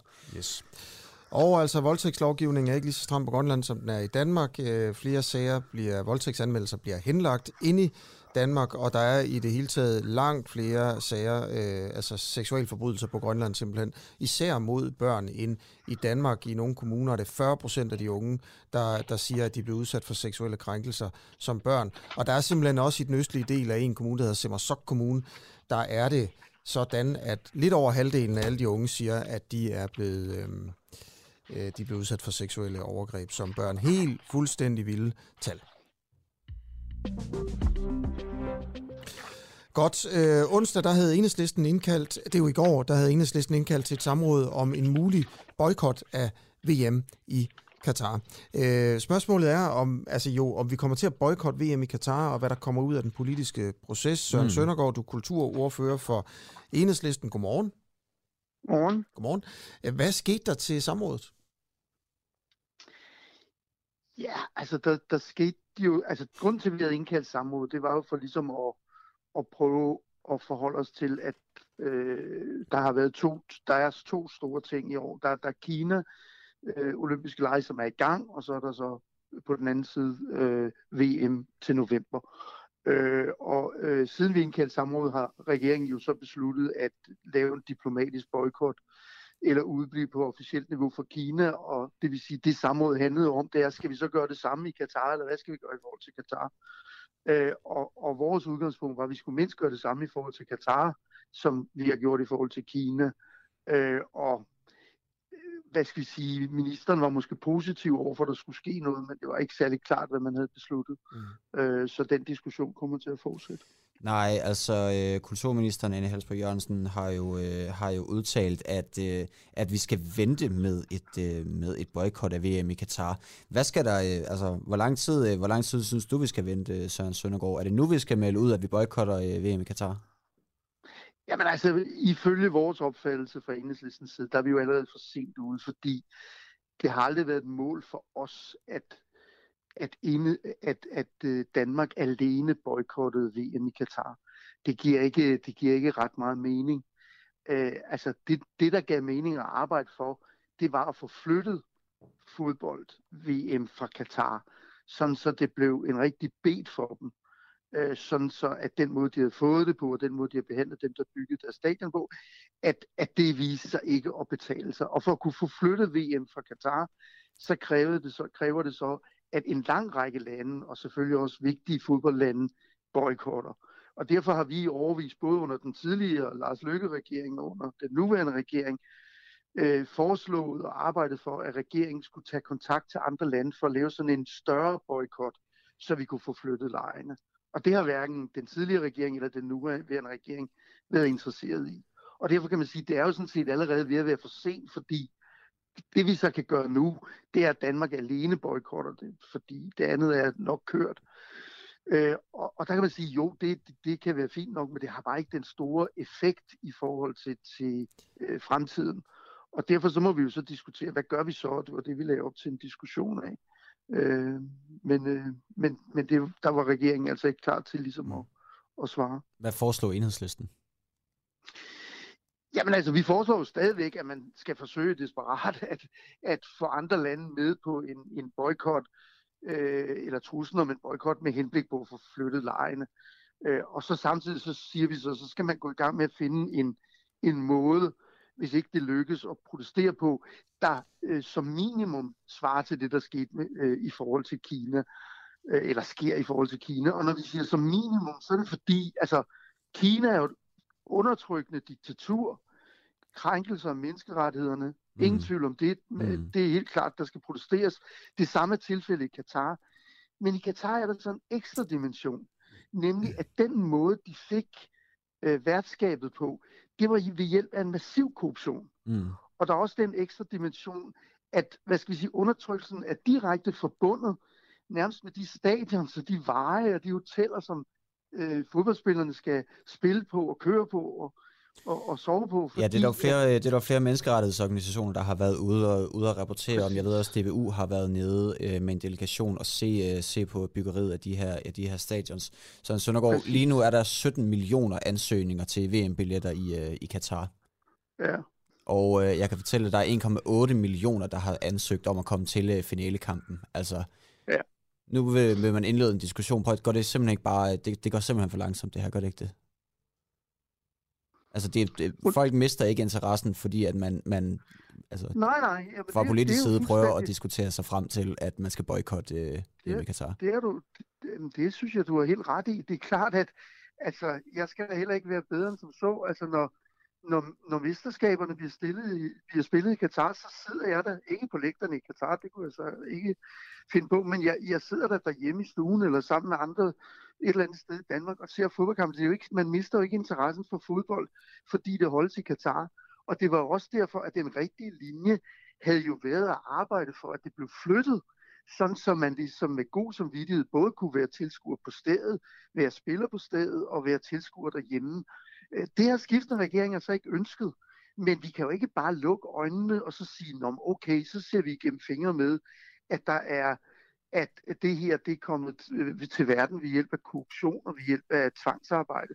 Fordi hvis vi gør det, så sender vi jo et signal til de næste og de næste og de næste. Du ved jo godt, at øh, FIFA de foreslår, at der nu skal være verdensmester skaber hver andet år. Ikke? Mm. Hvor bliver det så næste gang? Altså bliver det Saudi-Arabien? Bliver det Nordkorea? Altså på et eller andet tidspunkt bliver man jo nødt til at sætte, sætte foden ned. Øh, og øh, det har vi så prøvet at gøre effektivt denne gang ved at arbejde for at få det flyttet. Mm. Det er så ikke lykkedes, i hvert fald ikke indtil nu. Så må vi jo så sige, hvordan bruger vi så øh, mesterskaberne til på en eller anden måde at gøre den propagandafordel, som Katar forsøger at få ud af det her, at den i hvert fald bliver øh, minimeret. Ikke? Godt. Tak fordi du var med, øh, Søren Søndergaard. Øh, vi, øh, vi følger selvfølgelig stadig med i, hvad der, hvad der kommer til at foregå i Katar i forbindelse med VM i fodbold. Ja, det gør vi. Klokken er 18 minutter over 8. Det her, det er den uh, uafhængige. Og vi sender ind til klokken 9. Det gør vi. Nikolaj, ikke? Det skal også lige siges, hvis man har lyst til at støtte det her foretagende, øh, så skal man lytte til os. Ikke? Mm. Alternativt kan man øh, gå ind og give os et like inde på Facebook, eller følge vores Facebook-side, hvor mm. vi er meget aktive. Hvis man gerne vil sådan involvere sig i at, at være en del af, af det her nye medie, øh, ja, så øh, kan man jo blive medlem og få adgang til vores øh, redaktionslokale, for eksempel. Ikke? Og det, det koster 39 kroner om måneden. Vi har simpelthen valgt, at det skal koste lidt, øh, sådan at øh, vi kan få udgifterne dækket. Ja. Men, øh, men det koster, der, der er ikke nogen binding. Man kan bare gå ind på hjemmesiden, og så kan man altså bare melde sig fra igen, hvis man øh, øh, skulle have lyst til det, og hvis man tænker, det er åndssvagt eller, eller et eller andet. Ikke? Det, er, det, er jo, det står en frit for jo. Fuldstændig. Øhm, vi har fået en kommentar fra Lars Kofod angående vores historie om, øh, om Grønland. Han skriver, vild historie om Grønland. Ja, Skræmmende. Det er det. Grønland er vel nærmest et fejlstående land. Jeg har aldrig hørt om lande, hvor forældre er mere tilbøjelige til at knalde. Undskyld, deres børn, børnebørn, nevøer og niæser. Men må det ikke venstrefløjen kan forklare os, det er de onde danskers skyld. Det tror jeg lidt er uden for øh, partifarve og politisk overbevisning, at det selvfølgelig for alle er fuldstændig forfærdeligt, det, det der, det der Ja, men jeg tror, der er også en politisk diskussion i det. Jeg synes, det på en eller anden måde også er, er lidt rigtigt. Ikke? Altså, fordi øh, det her er jo også en diskussion om, om det skyldes øh, øh, kolonitiden. Altså, de, fordi det, vi kan jo også se, at det, det er lidt de samme historier, der findes øh, i andre lande, hvor, øh, hvor oprindelige folk er blevet kolonialiseret. Øh, for eksempel i andre, i andre dele af Kanada og, og Alaska, men altså, vi ser jo også øh, sådan nogle ting her øh, i Australien for eksempel, med aboriginerne. Ikke? Mm. Mm. Jeg kender ikke statistikken og sådan noget, men, men de har det også helvedes til. Øh, så det er sådan lidt en, en, en klassiker, der hvor den hvide mand er rykket ind for at kolonialisere. Ikke? Der, der, der, har, der er der kommet en masse sociale problemer med. Øhm, Det er på den anden rigtigt. side kunne man jo også godt sige, at øh, hvis man endelig skal kolonialiseres, og det skal man faktisk, øh, når man øh, er øh, et indiansk øh, folk, øh, sådan det har historien bare vist. Øh, ikke, jeg siger ikke, man skal, men sådan, sådan har det jo været. Mm. Så er det måske en meget god idé at, blive, at være blevet der i Danmark. Ja, det, vil, øhm, det ved jeg ikke, det ved jeg ikke, om jeg er enig med dig i, fordi der er jo tydeligvis nogle, øh, nogle steder, hvor det er gået øh, fuldstændig galt, og man kan, man kan selvfølgelig spørge, om, om det, har, det har gjort mere, øh, mere skade end, øh, end gavn, at vi koloniserede øh, Grønland. Vi skal øh, have, øh, høre mange andre ting her til morgen, Ja. blandt andet om, øh, hvorfor vi har øh, opmagasineret, eller hvad hedder sådan noget, sat nogle soldater i stilling i Slagelse, øh, øh, fordi der jo er konflikt mellem Ukraine og Rusland, og så har vi altså sat øh, et par hundrede soldater, der ligesom skal være klar i Slagelse. Hvad går det ud på? Hvorfor?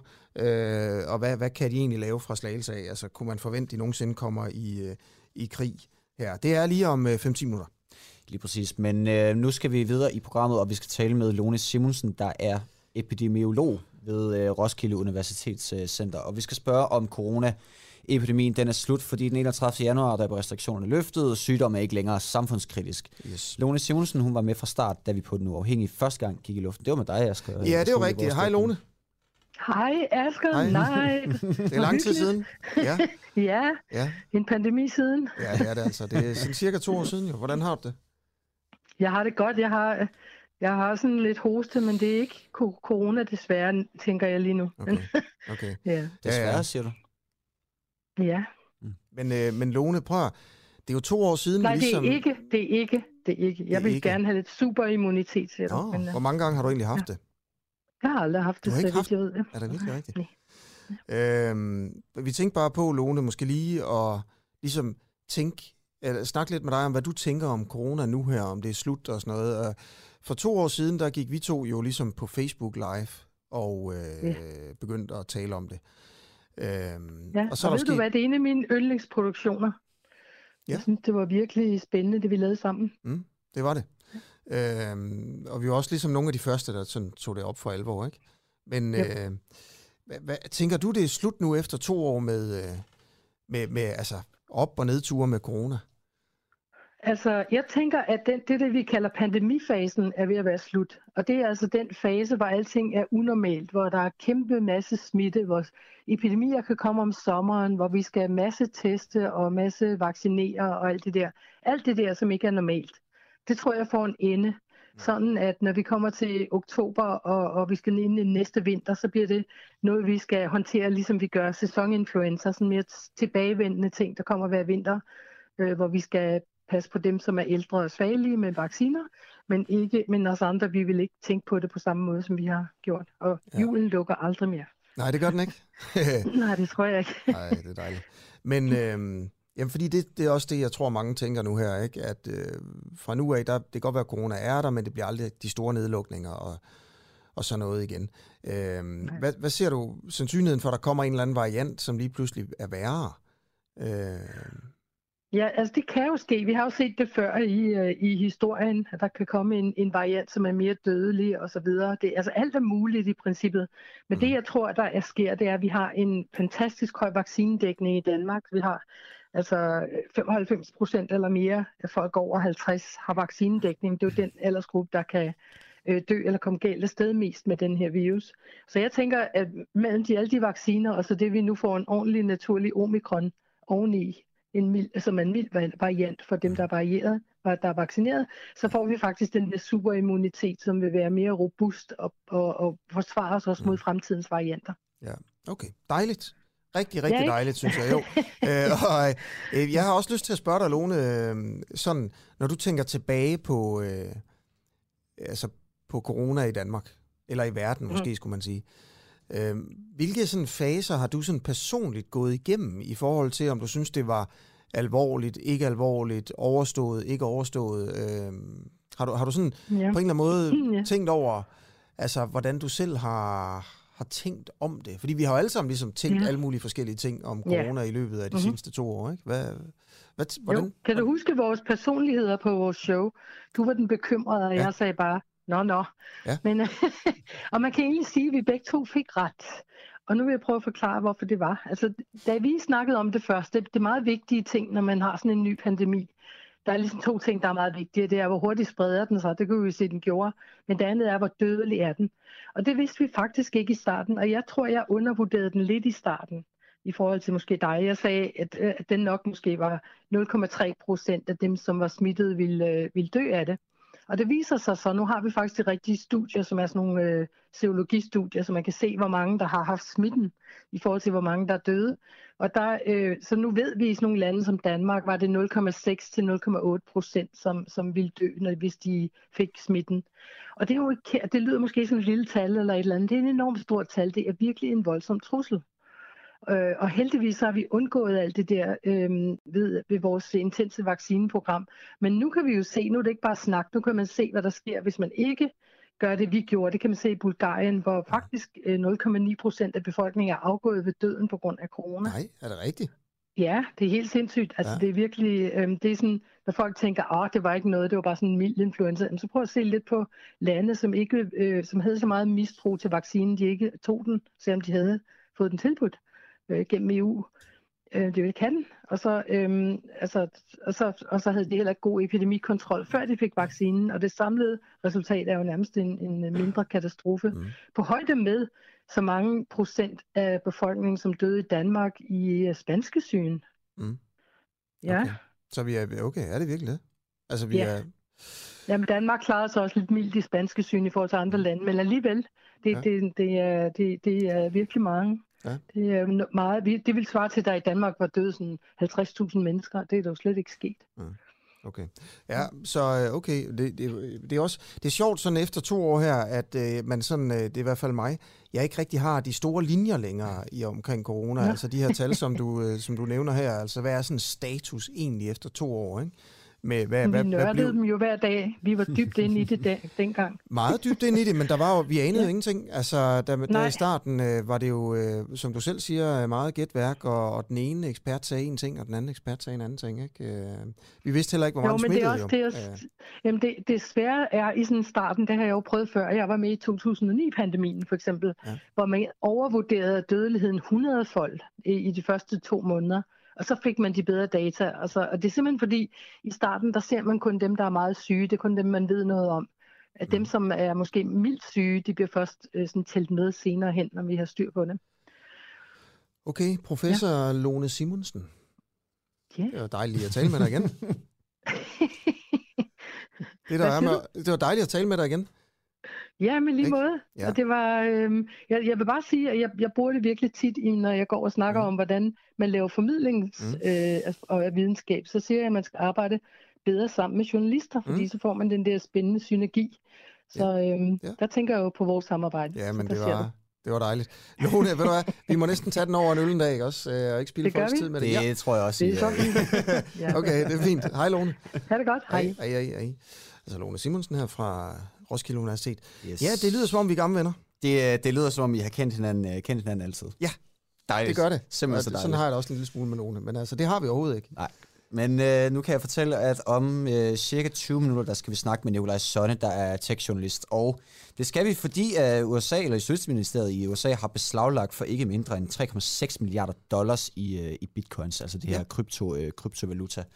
Og det er simpelthen fordi, der er et amerikansk part, der efter sine har hacket sig adgang til, øh, til de her bitcoins og forsøgt mm. at få dem, øh, få dem hvidvasket. Ja, det, var, det, er noget, det er jo ligesom at lave et bankrøveri med bitcoins, ikke?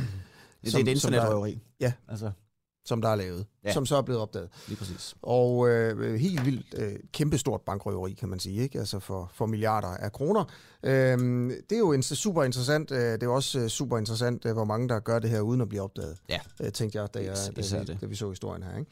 Godt, øh, klokken er halv ni. Øh, ja, og der er jo den her halve time øh, tilbage. Mm-hmm. Vi sidder også og har fokus på dagens nyheder. Hvis der sker et eller andet, så skal vi nok være der.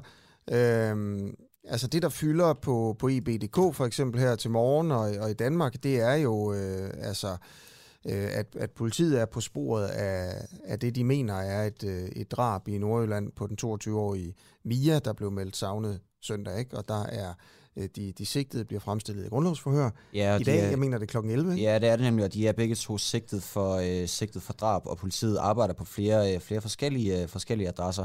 Og så kan man også lige sige, at øh, de to, øh, der er sigtet i den her sag, de er allerede kendt, øh, kendt af politiet, men det er for, for mindre, øh, mindre forseelser. Nå. Øh, og øh, hvad hedder han, øh, Frank Olsen, som vi har prøvet at få fat på øh, her i dag, som øh, er en travl mand, har sagt, grund til, at vi sigter for drab, er, at vi ikke har fundet Mia endnu, og det er højst usædvanligt. Mia er kendt som en om, omsorgsfuld pige, der altid vil give besked til veninder øh, eller forældre.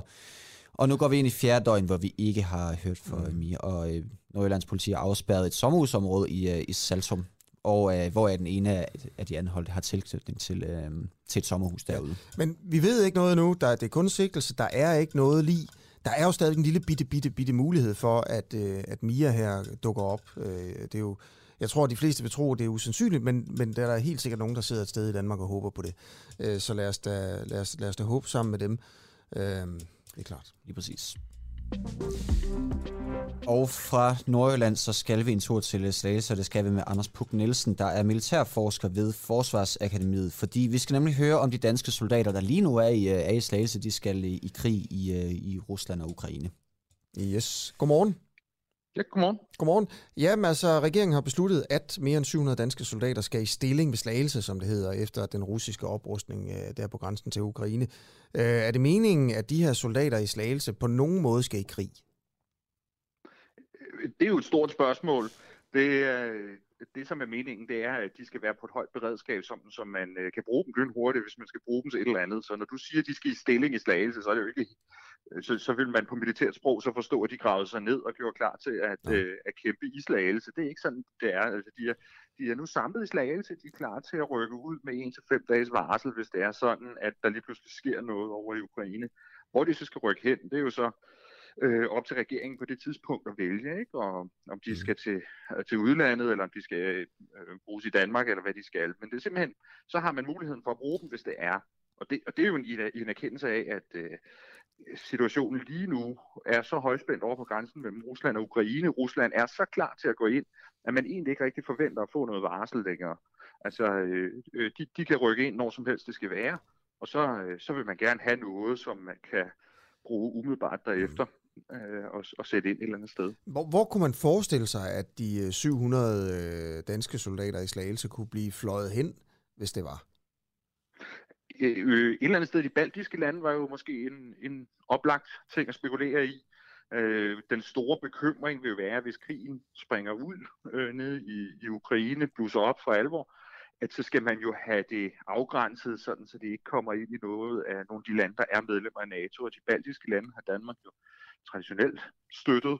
Uh, vi er i forvejen ved at, at overføre kompani til Estland i sådan en rotationsordning lige nu her, og, det, og det kunne man godt forestille sig, at vi skulle sende flere derover. Men man kunne faktisk også godt sende, uh, forestille sig, at der skulle bruges uh, danske soldater uh, i Danmark. øh, til at i virkeligheden sørge for at, øh, at, at beskytte os selv.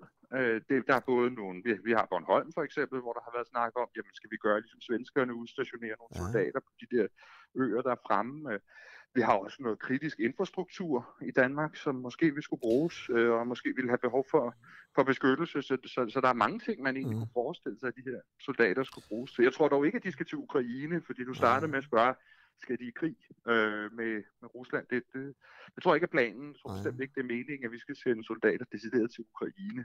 Men, øh, men, men andre ting, helt sikkert. Okay. Tusind tak for en kort kommentar her, Anders Puk Nielsen, altså militær forsker ved Forsvarsakademiet. Ja, velkommen. Ja, hej. Og klokken blev altså sådan øh, fire minutter over, over halv ni. Vi følger jo med her. Det er også bare for at sige, Nicolaj, ikke? Altså, hvad fanden, øh, hvad, hvad foregår der i den her højspændte situation, hvor krigen kan være lige om hjørnet? Ja, lige præcis, og øh, muligvis med en dansk involvering. Vi kunne i hvert fald, øh, ja, vi kunne i hvert fald høre de her 700, øh, 700 mand i Slagelse, de står i høj, højt beredskab, tror I jeg. højt det var- beredskab, de skal være klar til at beskytte ting og sager, men de skal alligevel ikke i krig med russerne, fordi de skal ikke over til Ukraine, så det er sådan lidt, hvad skal de? Og sådan. Men, men nu må vi se. Øh, og vi snakkede også med den, øh, den danske forsvarsattaché i Moskva i sidste time. Det synes jeg også bare lige, vi skal, øh, vi skal vende tilbage til. Fordi Mm. han sagde, nu kulminerer det. Ja. Ikke? Altså, du starter øvelsen i Hvide Rusland med de 30.000 mand. Nu er alt ankommet til den ukrainske grænse.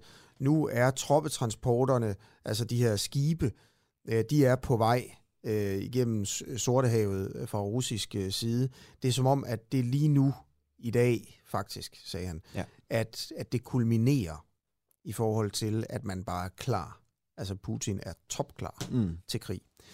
Og, øh, og, og vi hører her fra eksperten, at han siger, at nu forventer man ikke engang længere, at der vil komme en eller anden form for advarsel, altså det kan ske hvert øjeblik, det skal være. Ja, det er præcis. Men det er ikke sikkert, det øh, sker. Nej, det, det er ikke sikkert, det sker, men øh, jeg fik nævnt et, øh, et, jeg nævnte et citat i går fra øh, forsvarschefen i Danmark, som sagde altså, at vi muligvis kommer til at stå over for den største landtropkrig siden, øh, siden 2. verdenskrig. Vi vender os en lille smule mod øh, fremtidige vinter-OL'er. Hedder det det? OL'er. OL'er.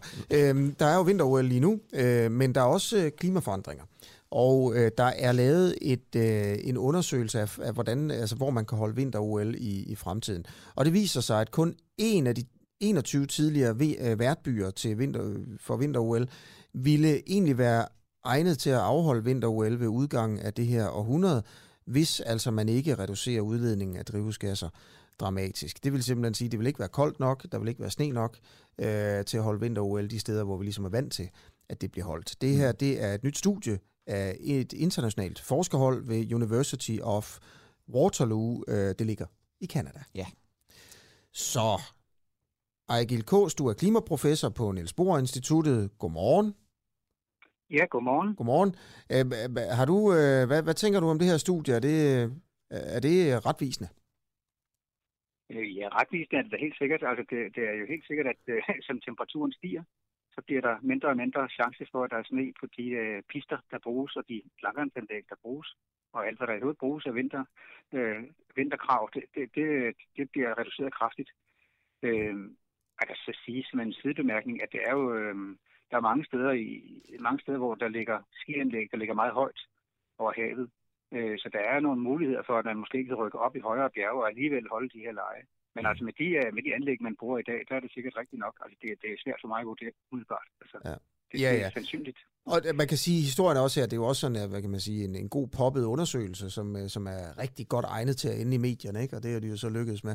Øh, Ja, lige præcis. ja, ja. Så, så det, det tyder vel egentlig bare på, at det, hvis man skal stå på ski i fremtiden, så, øh, så skal man øh, lidt længere mod nord eller lidt højere op. Øh, mm. Lige præcis. Det er de to ting, der skal til, ja. Ja, ja. Altså man skal højt op, fordi der er temperaturen, som de fleste ved, den falder, når man går opad.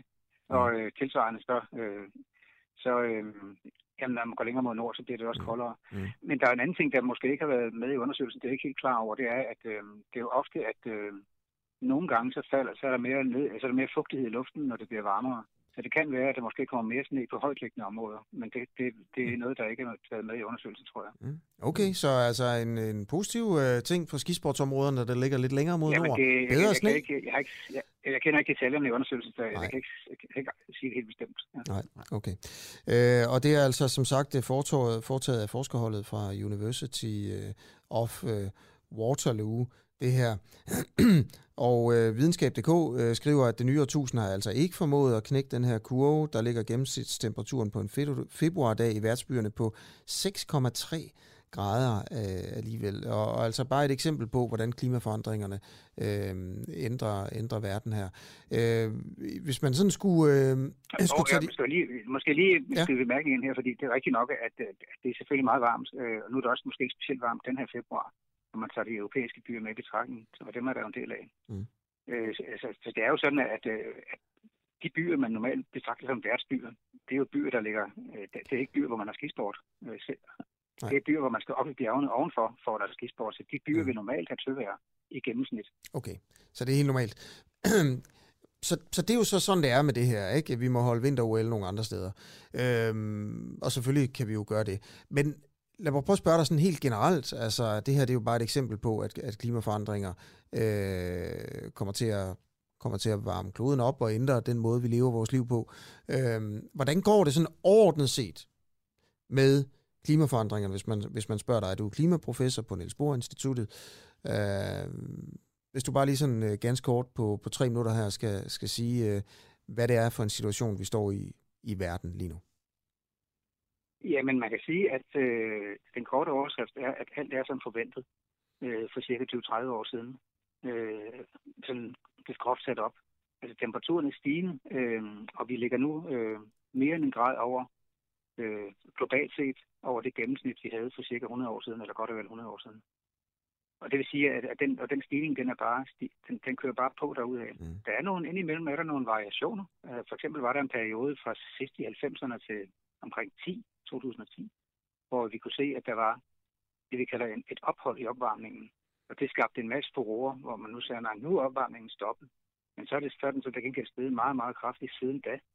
Og man har set tidligere fluktuationer sådan hen over 10 års tidsskala tidligere, som ofte har fået til, ført til, at klimaskeptikere for eksempel har sagt, Nå, der kan I se, der var slet ikke noget. Mm. Men altså, det er sådan, at klimaet er meget variabelt, og derfor vil der også i fremtiden komme sådan nogle fluktuationer, mm. så man kan blive lidt snydt af, nogle, af, en, af en kortvarig stop i opvarmningen. Men alt tyder på, at den kommer, og at den vil fortsætte som øh, beregnet faktisk. Så Ejgil, øh, Ejgil Kås, hvordan ja. kan det være, at der har været det her ophold i, øh, i temperaturstigninger? Jamen det er fordi, øh, ligesom du ved, at vejret skifter fra dag til dag. Og det skifter faktisk også fra år til år. Mm. Det har du sikkert observeret, som ja, de fleste. efterhånden. øh, øh, så, øh, så gør klimaet det faktisk også, fordi der er nogle store, meget dynamiske processer i hele vores klimasystem. For eksempel har nogen hørt om det der såkaldte El Niño-fænomen i Stillehavet. Øh, det giver faktisk nogle globale udslag i vejret, som kan vare, vare nogle gange flere år, hvor man har, hvor man har ændringer. Der er også noget måske endnu mere vigtigt, at vi har store variationer i, øh, hvordan oceancirkulationen er i Atlanterhavet. Og det gør også, at der, man kan se det faktisk de samme, der kan man se store udslag, for eksempel på, øh, hvordan temperaturen er på den nordlige alkohol, øh, og måske også nogle gange endda øh, globalt. Men, men der er mange af de her store fluktuationer, som kommer af sig selv, ligesom vejret går fra dag til dag. De kan altså være flere årtier nogle gange. Mm. Mm. Så lige for at vende, vende lidt tilbage til, øh, til vinter øh, til vinter for at holde, for at holde os en lille smule Jeg vil lige gøre på, de, de der fluktuationer, de, de er ikke nogen, de, det er nogen, der kommer helt af sig selv. De er ikke noget med klima eller global opvarmning at gøre. De er der bare oven på det andet. Okay. Så ja. altså lige for at vende tilbage til sådan vintersport og, og, og vinter-OL i, øh, i Beijing, som der, foregår, øh, som der foregår lige nu, vil det så kunne sige, vil, vil det så sige, at der måske er et år, hvor det er okay at afholde vinter-OL i for eksempel Kina, fordi der er et ophold i uh, temperaturstigningerne? Vil, vil det være en måde ligesom, altså, det, at, at, at vælge ja, værtsland ud fra? Det, ja, det er et godt spørgsmål. Det vil jeg umiddelbart vurdere, at det godt kan lade sig gøre. Altså, nu er Beijing jo der, hvor de kører nu, så det er jo et sted, hvor der faktisk er ganske koldt. Mm. Øh, men, men de er ikke noget sne, det er meget tørt om vinteren. Men altså, der, der er helt sikkert, at der også vil komme individuelle år på forskellige steder, hvor det vil være koldt. Altså, det kan også godt tænkes, at vi får en isvinter i Danmark. Det er om mm. meget usandsynligt, men, men det er ikke helt umuligt. Øh, også om 20 år, 30 år. Ja. Hvornår kommer den næste istid egentlig? Ja, det, det er en noget anden historie. Men det kommer. Jeg tror du ikke, den kommer? Ja, øh, jo, det gør den, men altså, der har været meget diskussion om det, og der har også været meget... Øh, altså, det, en af de meget vigtige faktorer i forbindelse med istider, det er, at man har såkaldte feedbacks, tilbagekoblinger.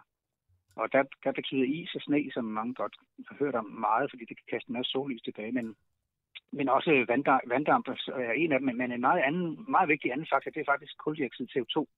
Vi ved, at der var meget lidt koldioxid i atmosfæren under sidste istid, og at der var, har, har tilsvarende været meget under mellemistiderne. Øh, og det er altså også nogle, nogle øh, naturlige tilbagekoblinger, der gør, at når det bliver koldt, så bliver der automatisk mindre CO2, og så bliver det endnu koldere. Ja. Og, og så videre. Og hvornår tror du, næste istid kommer? Ja, det er lidt spørg, men altså, ja. sagen er, at, at det, det, det, det der med CO2 er her vigtigt. Ja. Fordi øh, vi har smidt så meget CO2 ud i atmosfæren, øh, med oceansystemet nu, at det måske vil tage øh, mange 10.000 af år, før der overhovedet er chance for en istid igen. Hva? Fordi der er så meget øh, varme i systemet nu, indirekte via det her kul, der er i både atmosfæren og de øverste meter af jorden. Mm. Så der kan man så meget buffer nu, så, så det vil være hvis man læser ind på... svært at få lavet en istid. Ja. ja, ja. Hvis man læser ind på videnskab.dk, ikke, så kan man bare, altså en historisk set, ikke? en mellemistid, som vi lever i nu, var i cirka 10.000 år. Øh, og den nuværende mellemistid har varet 11.700 år. Altså er der, en, ja, er der en mulighed for, at den kommer rimelig snart? Altså hvis, det, hvis der ikke havde været noget menneskelig aktivitet, havde der været det, ja. Men i øvrigt til den der 10.000 års periode, det er slet ikke noget, der, der er det samme for hver mellemøstid. Det er meget variabelt. Nej, nej. Okay. Jamen, det er også uh, selvfølgelig et tidsspor. Øhm, ja. Så Ejgil Kås, øh, tak fordi du vil være med. Det var så lidt. Ja, okay. Ja, Godmorgen. Okay, godmorgen. Godmorgen. Hej klimaprofessor på Niels Bohr Instituttet. Det tog en afstikker, det her. Ja, det gjorde øh, det Til noget helt andet, ikke? Men, det men det er jo også, altså man kan sige, hvad, hvad er det for en undersøgelse, det her fra Waterloo University? Altså det er jo bare et eller andet med, at det bliver lidt varmere der, hvor man har holdt vinter-OL, det vidste vi jo godt. Ja, og det er jo en måde ligesom at, altså, at bruge en aktuel, øh, aktuel case på. Ligesom til at snyde at, journalister til at snakke om det. Som vi lige har, har siddet og gjort i ja, 10, 10 minutter spil. Jeg ved ikke, Asger, har du set, øh, har du set vinter-OL? Ja, jeg, jeg så et, et sammendrag ja. øh, her den anden dag, øh, hvor jeg kunne se, der er kommet sådan en ny øh, øvelse, der handler om at øh, altså, øh, hoppe, sans, lave taler meget mere og sådan noget, ikke? Ja, fedt. Øh, og så så jeg noget Super G, og sådan, øh, min favorit, det er jo styrtløb øh, og ja. skihop. Altså, det må jeg bare sige. Ja. Øh, og så kan jeg også godt lide køling. Ja, jeg synes øh, også, som er, som er, altså, det, det er en ret fed sport i forhold til sådan øh, taktik og sådan noget, ikke? Jo. Øh, og ishockey også. Hvad med dig? Jeg har faktisk, jeg har faktisk overhovedet ikke fået, øh, fået set noget, men Nej. jeg har set et billede af, øh, af en af de konkurrencer, du taler om, tror jeg, der handler om at, at slå saltomortaler mm-hmm. på mhm. et... Øh, mm. på et, hvad hedder sådan et, et snowboard, øh, hvor den her øh, hopbane, den ligger sådan lige ved siden af et kæmpestort kulkraftværk, øh, og det ser, mm. det ser fuldstændig absurd ud, fordi det er mm. gråt, og det er sort, og så er der den her hvide, øh, hvide bakke lige ved siden af. Ja. Godt. Øh, klokken er kvart i, øh, i ni. Øh, det her det er øh, den øh, uafhængige, der laver, laver morgenradio ind til klokken, klokken ni.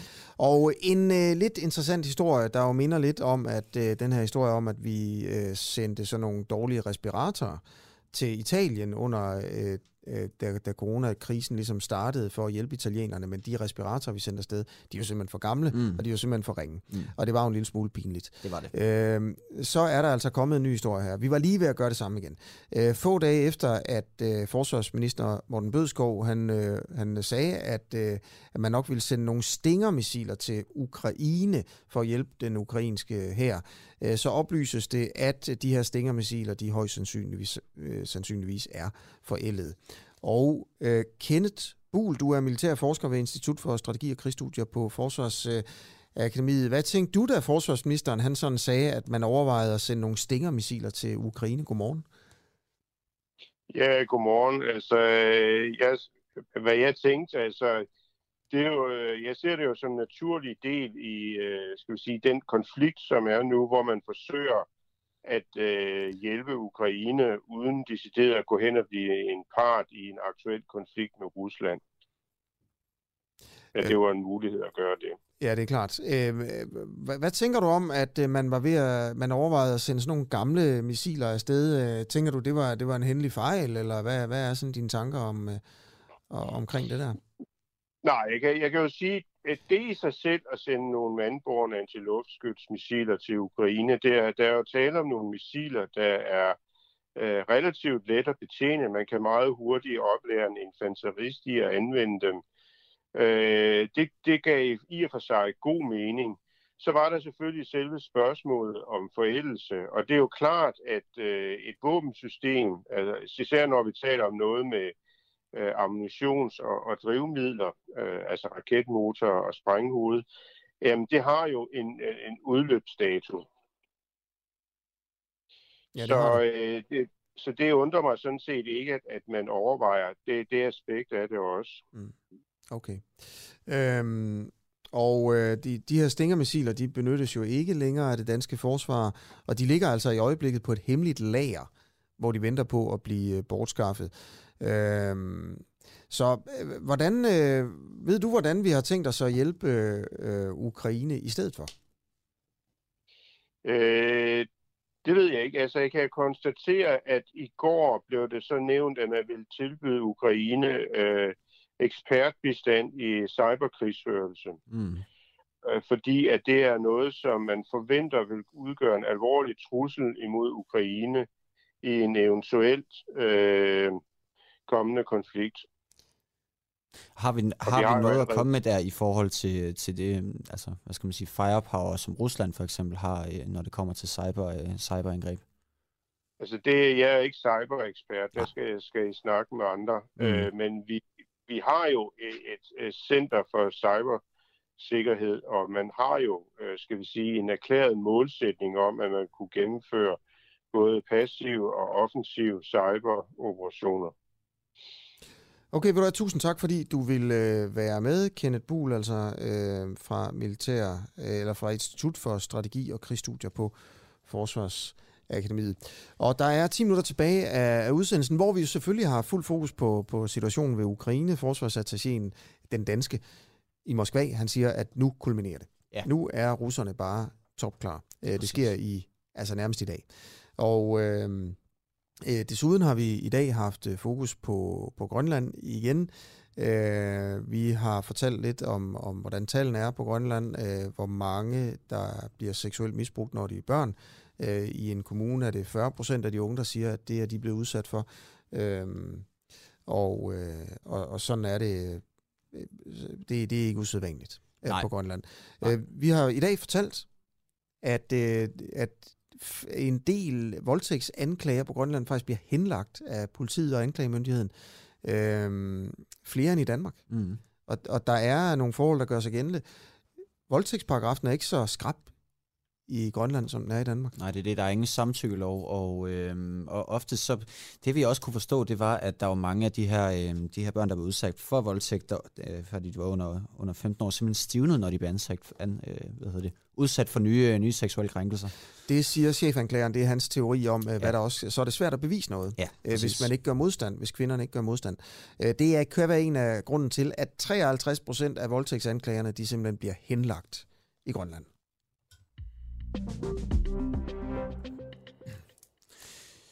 Nu skal vi til øh, internetbankrøveriet, som vi, øh, som vi fik øh, teaset for før. Nu skal vi nemlig tale med øh, Nikolaj Sonne, der er tekstjournalist og øh, også har været vært på det her programmet So Ein Ding. Ja, Og godmorgen. Hvis, godmorgen, Nikolaj Sonne. Godmorgen. Godmorgen. Nu handler det jo om, øh, om bitcoins, og hvis man som, øh, som mig ikke er den store internet, øh, internet hej, kan du så kort forklare, hvad bitcoins er? Ja, altså man kan sige, det er digitale penge. Øhm, når vi bruger penge normalt, forestiller jeg, at jeg sender dig 100 kroner på MobilePay, jamen så foregår der jo en masse ting i en masse forskellige databaser bagved. Øh, Danske Bank har en database, din bank har en database, min bank har en database, og de taler alle sammen sammen. I Bitcoin, der er ideen i virkeligheden, at der er én database, hvor der så bliver ført regnskab med, hvem der overfører til hvem. Så det, Det er sådan set det. Er det, det, det, er, det, er det det, man også kalder for blockchain, at man på en eller anden måde kan, Lige følge, præcis. kan følge strømmen tilbage for, for de her Ja. transaktioner? Ja, altså der er, der er selvfølgelig en, en, en masse øh, regler omkring, hvordan den her database og hvordan interaktioner med databasen foregår.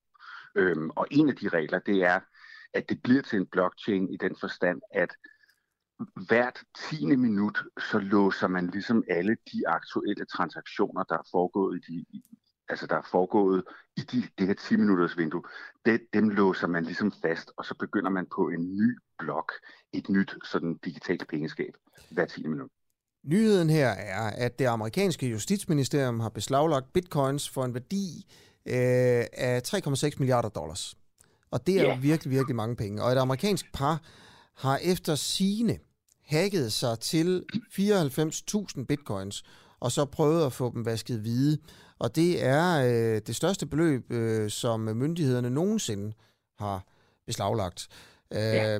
Hvad er, vil du fortælle lidt mere om sagen her? Altså, øh, hvad, hvad, er- hvad er det for et ægtepar, og hvordan har de hacket øh, øh, for 3,6 milliarder dollars, og hvor tæt var de på at løse? altså, øh, jeg vil meget nødig være karaktervidende, og jeg vil meget nødig spekulere i deres, øh, i deres sådan, øh, hacking-evner. Øhm, det, jeg har set af det materiale, som, som, som øh, amerikanerne har fremlagt, det er, at sagen er jo, at man kan følge transaktioner i blockchain, også i bitcoin-blockchain. Der er alle transaktioner offentlige. Og hver gang der så foregår et hack, og det foregår altså hele tiden, det her, det er desværre langt fra det eneste, men, men, men så er der jo nogen, der holder øje med, okay, de her penge, de gik over på den her adresse. Og lige så snart de penge bevæger sig, så begynder man jo at lede, lede efter spor om, hvor, hvor de gik hen. Og det, der angiveligt er sket her, det er, at politiet har simpelthen siddet og fulgt med i, at det her par, eller der er foregået noget, nogle transaktioner, og blandt andet så er der blevet købt gavekort til Walmart og til PlayStation Store og sådan nogle ting. Og så simpelthen ved at følge de her transaktioner, hvordan de ligesom berører den virkelige verden, jamen så har de sådan cirklet sig ind på det her par. Okay. Øh, 3,6 milliarder dollars. Øh, Ja. Og så har, de købt, så har de købt ting til Playstation og sådan noget. Øh, hvem, Ja, har, de hvem, har, købt- hvem har de stjålet pengene fra? gavekort. Ja, gavekort. Hvem har de Jamen- stjålet pengene fra? Jamen, øh, jeg tror, man skal være forsigtig med at konkludere, at det nødvendigvis er dem, der har stjålet penge. Mm. Øh, det, det, det ved vi jo ikke. Men øh, pengene blev oprindeligt stjålet fra en, en, en, en man kan sige, en, bitcoin-børs, øh, som hedder Bitfinex tilbage i 2016. Og så har der jo siddet ikke kun Bitfinex, men alle mulige, der ligesom, man kan sige, firmaer, der hvis virke er at følge bitcoins og prøve at opdage nogle af de her ting, så har der jo siddet nogen og fulgt med i, hvornår bevæger penge, der stammer fra det her bankkup, hvornår bevæger de sig rundt, og hvor bevæger de sig hen. Mm. Øhm, og det er så der, hvor at vi øh, forhåbentlig er, er tættere på en opklaring nu. Nikolaj Søren, du beskæftiger dig jo sådan meget, øh, meget intens med kryptovaluta også øh, lige for tiden, hvor de, øh, du er netop øh, ved at færdiggøre et program på DR2 om øh, krypto, øh, kryptovaluta. Jeg skal lige høre dig, altså, yeah. er kryptovaluta sådan mere sikkert at handle med end for eksempel almindelige bank- banktransaktioner, fordi man netop kan følge sporene, sporene tilbage? øh, det rungende svar er ja og nej. Okay. øhm, i, nå nej, men, men i den forstand, at man kan sige, du, du kan have et system som Bitcoin, og helt inde i kernen, jamen der er det ikke blevet hacket. Men, men sagen er jo, at al software taler sammen med andet software, der igen taler sammen med andet software. Selv den mindste lille app på din telefon er jo et kludetæppe af forskellige softwarestumper. Og det er naivt at antage, at alle de stumper fungerer perfekt og ikke har nogen sikkerhed i. Og der, hvor det så bliver anderledes med den her type kryptopenge frem for normale penge, det er, at du kan ikke, du kan ikke sætte maskinen i bakgear. Så det vil sige, hvis, hvis eksempelvis, at jeg kommer til, øh, øh, jeg har købt en dims af dig for 1000 kroner, og så kommer jeg til at overføre 10.000 kroner til dig. Hov, der er sket en fejl. Mm. Jamen, så kan jeg jo ringe til min bank, og du kan ringe og sige, og hov, nå ja, det var bum bum. Så kan vi ligesom, du ved, øh, sætte maskinen i bakgear og gøre tingene tilbage. Det kan man ikke i de her kryptosystemer. Mm. Der er ikke noget bakgear, det er en del af designet.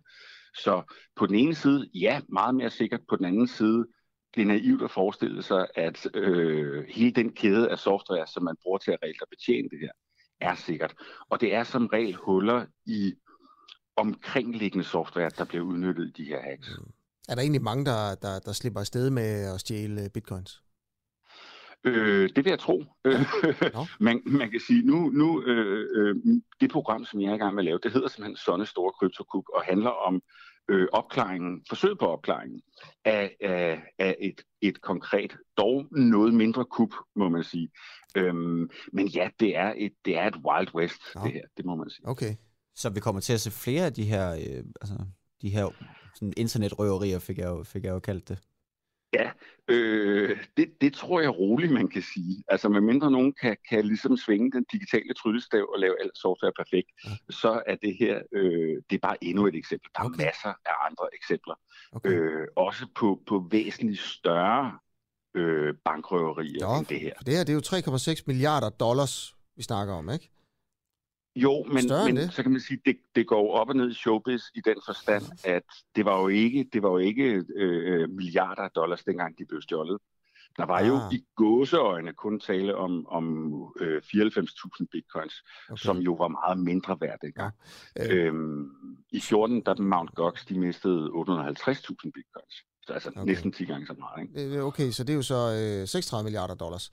Øh, det, er jo, det er jo mere, end hvad AP Møller tjener på et år, jo. Men altså, Jo, men det, det er den her kryptoverden, øh, jo mere man kigger, jo mere gak er det. det, be, be, bliver, øh, kan det betale sig? Altså, du ved, øh, kan, kan, kan, kan forbrydelse betale sig, hvis man øh, stjæler bitcoins? Øh, det, man, man, man, man må ikke opfordre, øh, øh, nej, som, som den nej, men man objektive godt- journalist, så må ja. man tørt konstatere, ja. at øh, forbrydelse betaler sig rigtig ofte, desværre. Ja, og hvad med i, i bitcoins verden? Er det, betaler det sig mere, altså bedre der? Jamen, jamen andre det, er steder? det, er jo, det, er jo, det er fordi beløbene, beløbene ja. kan være så store.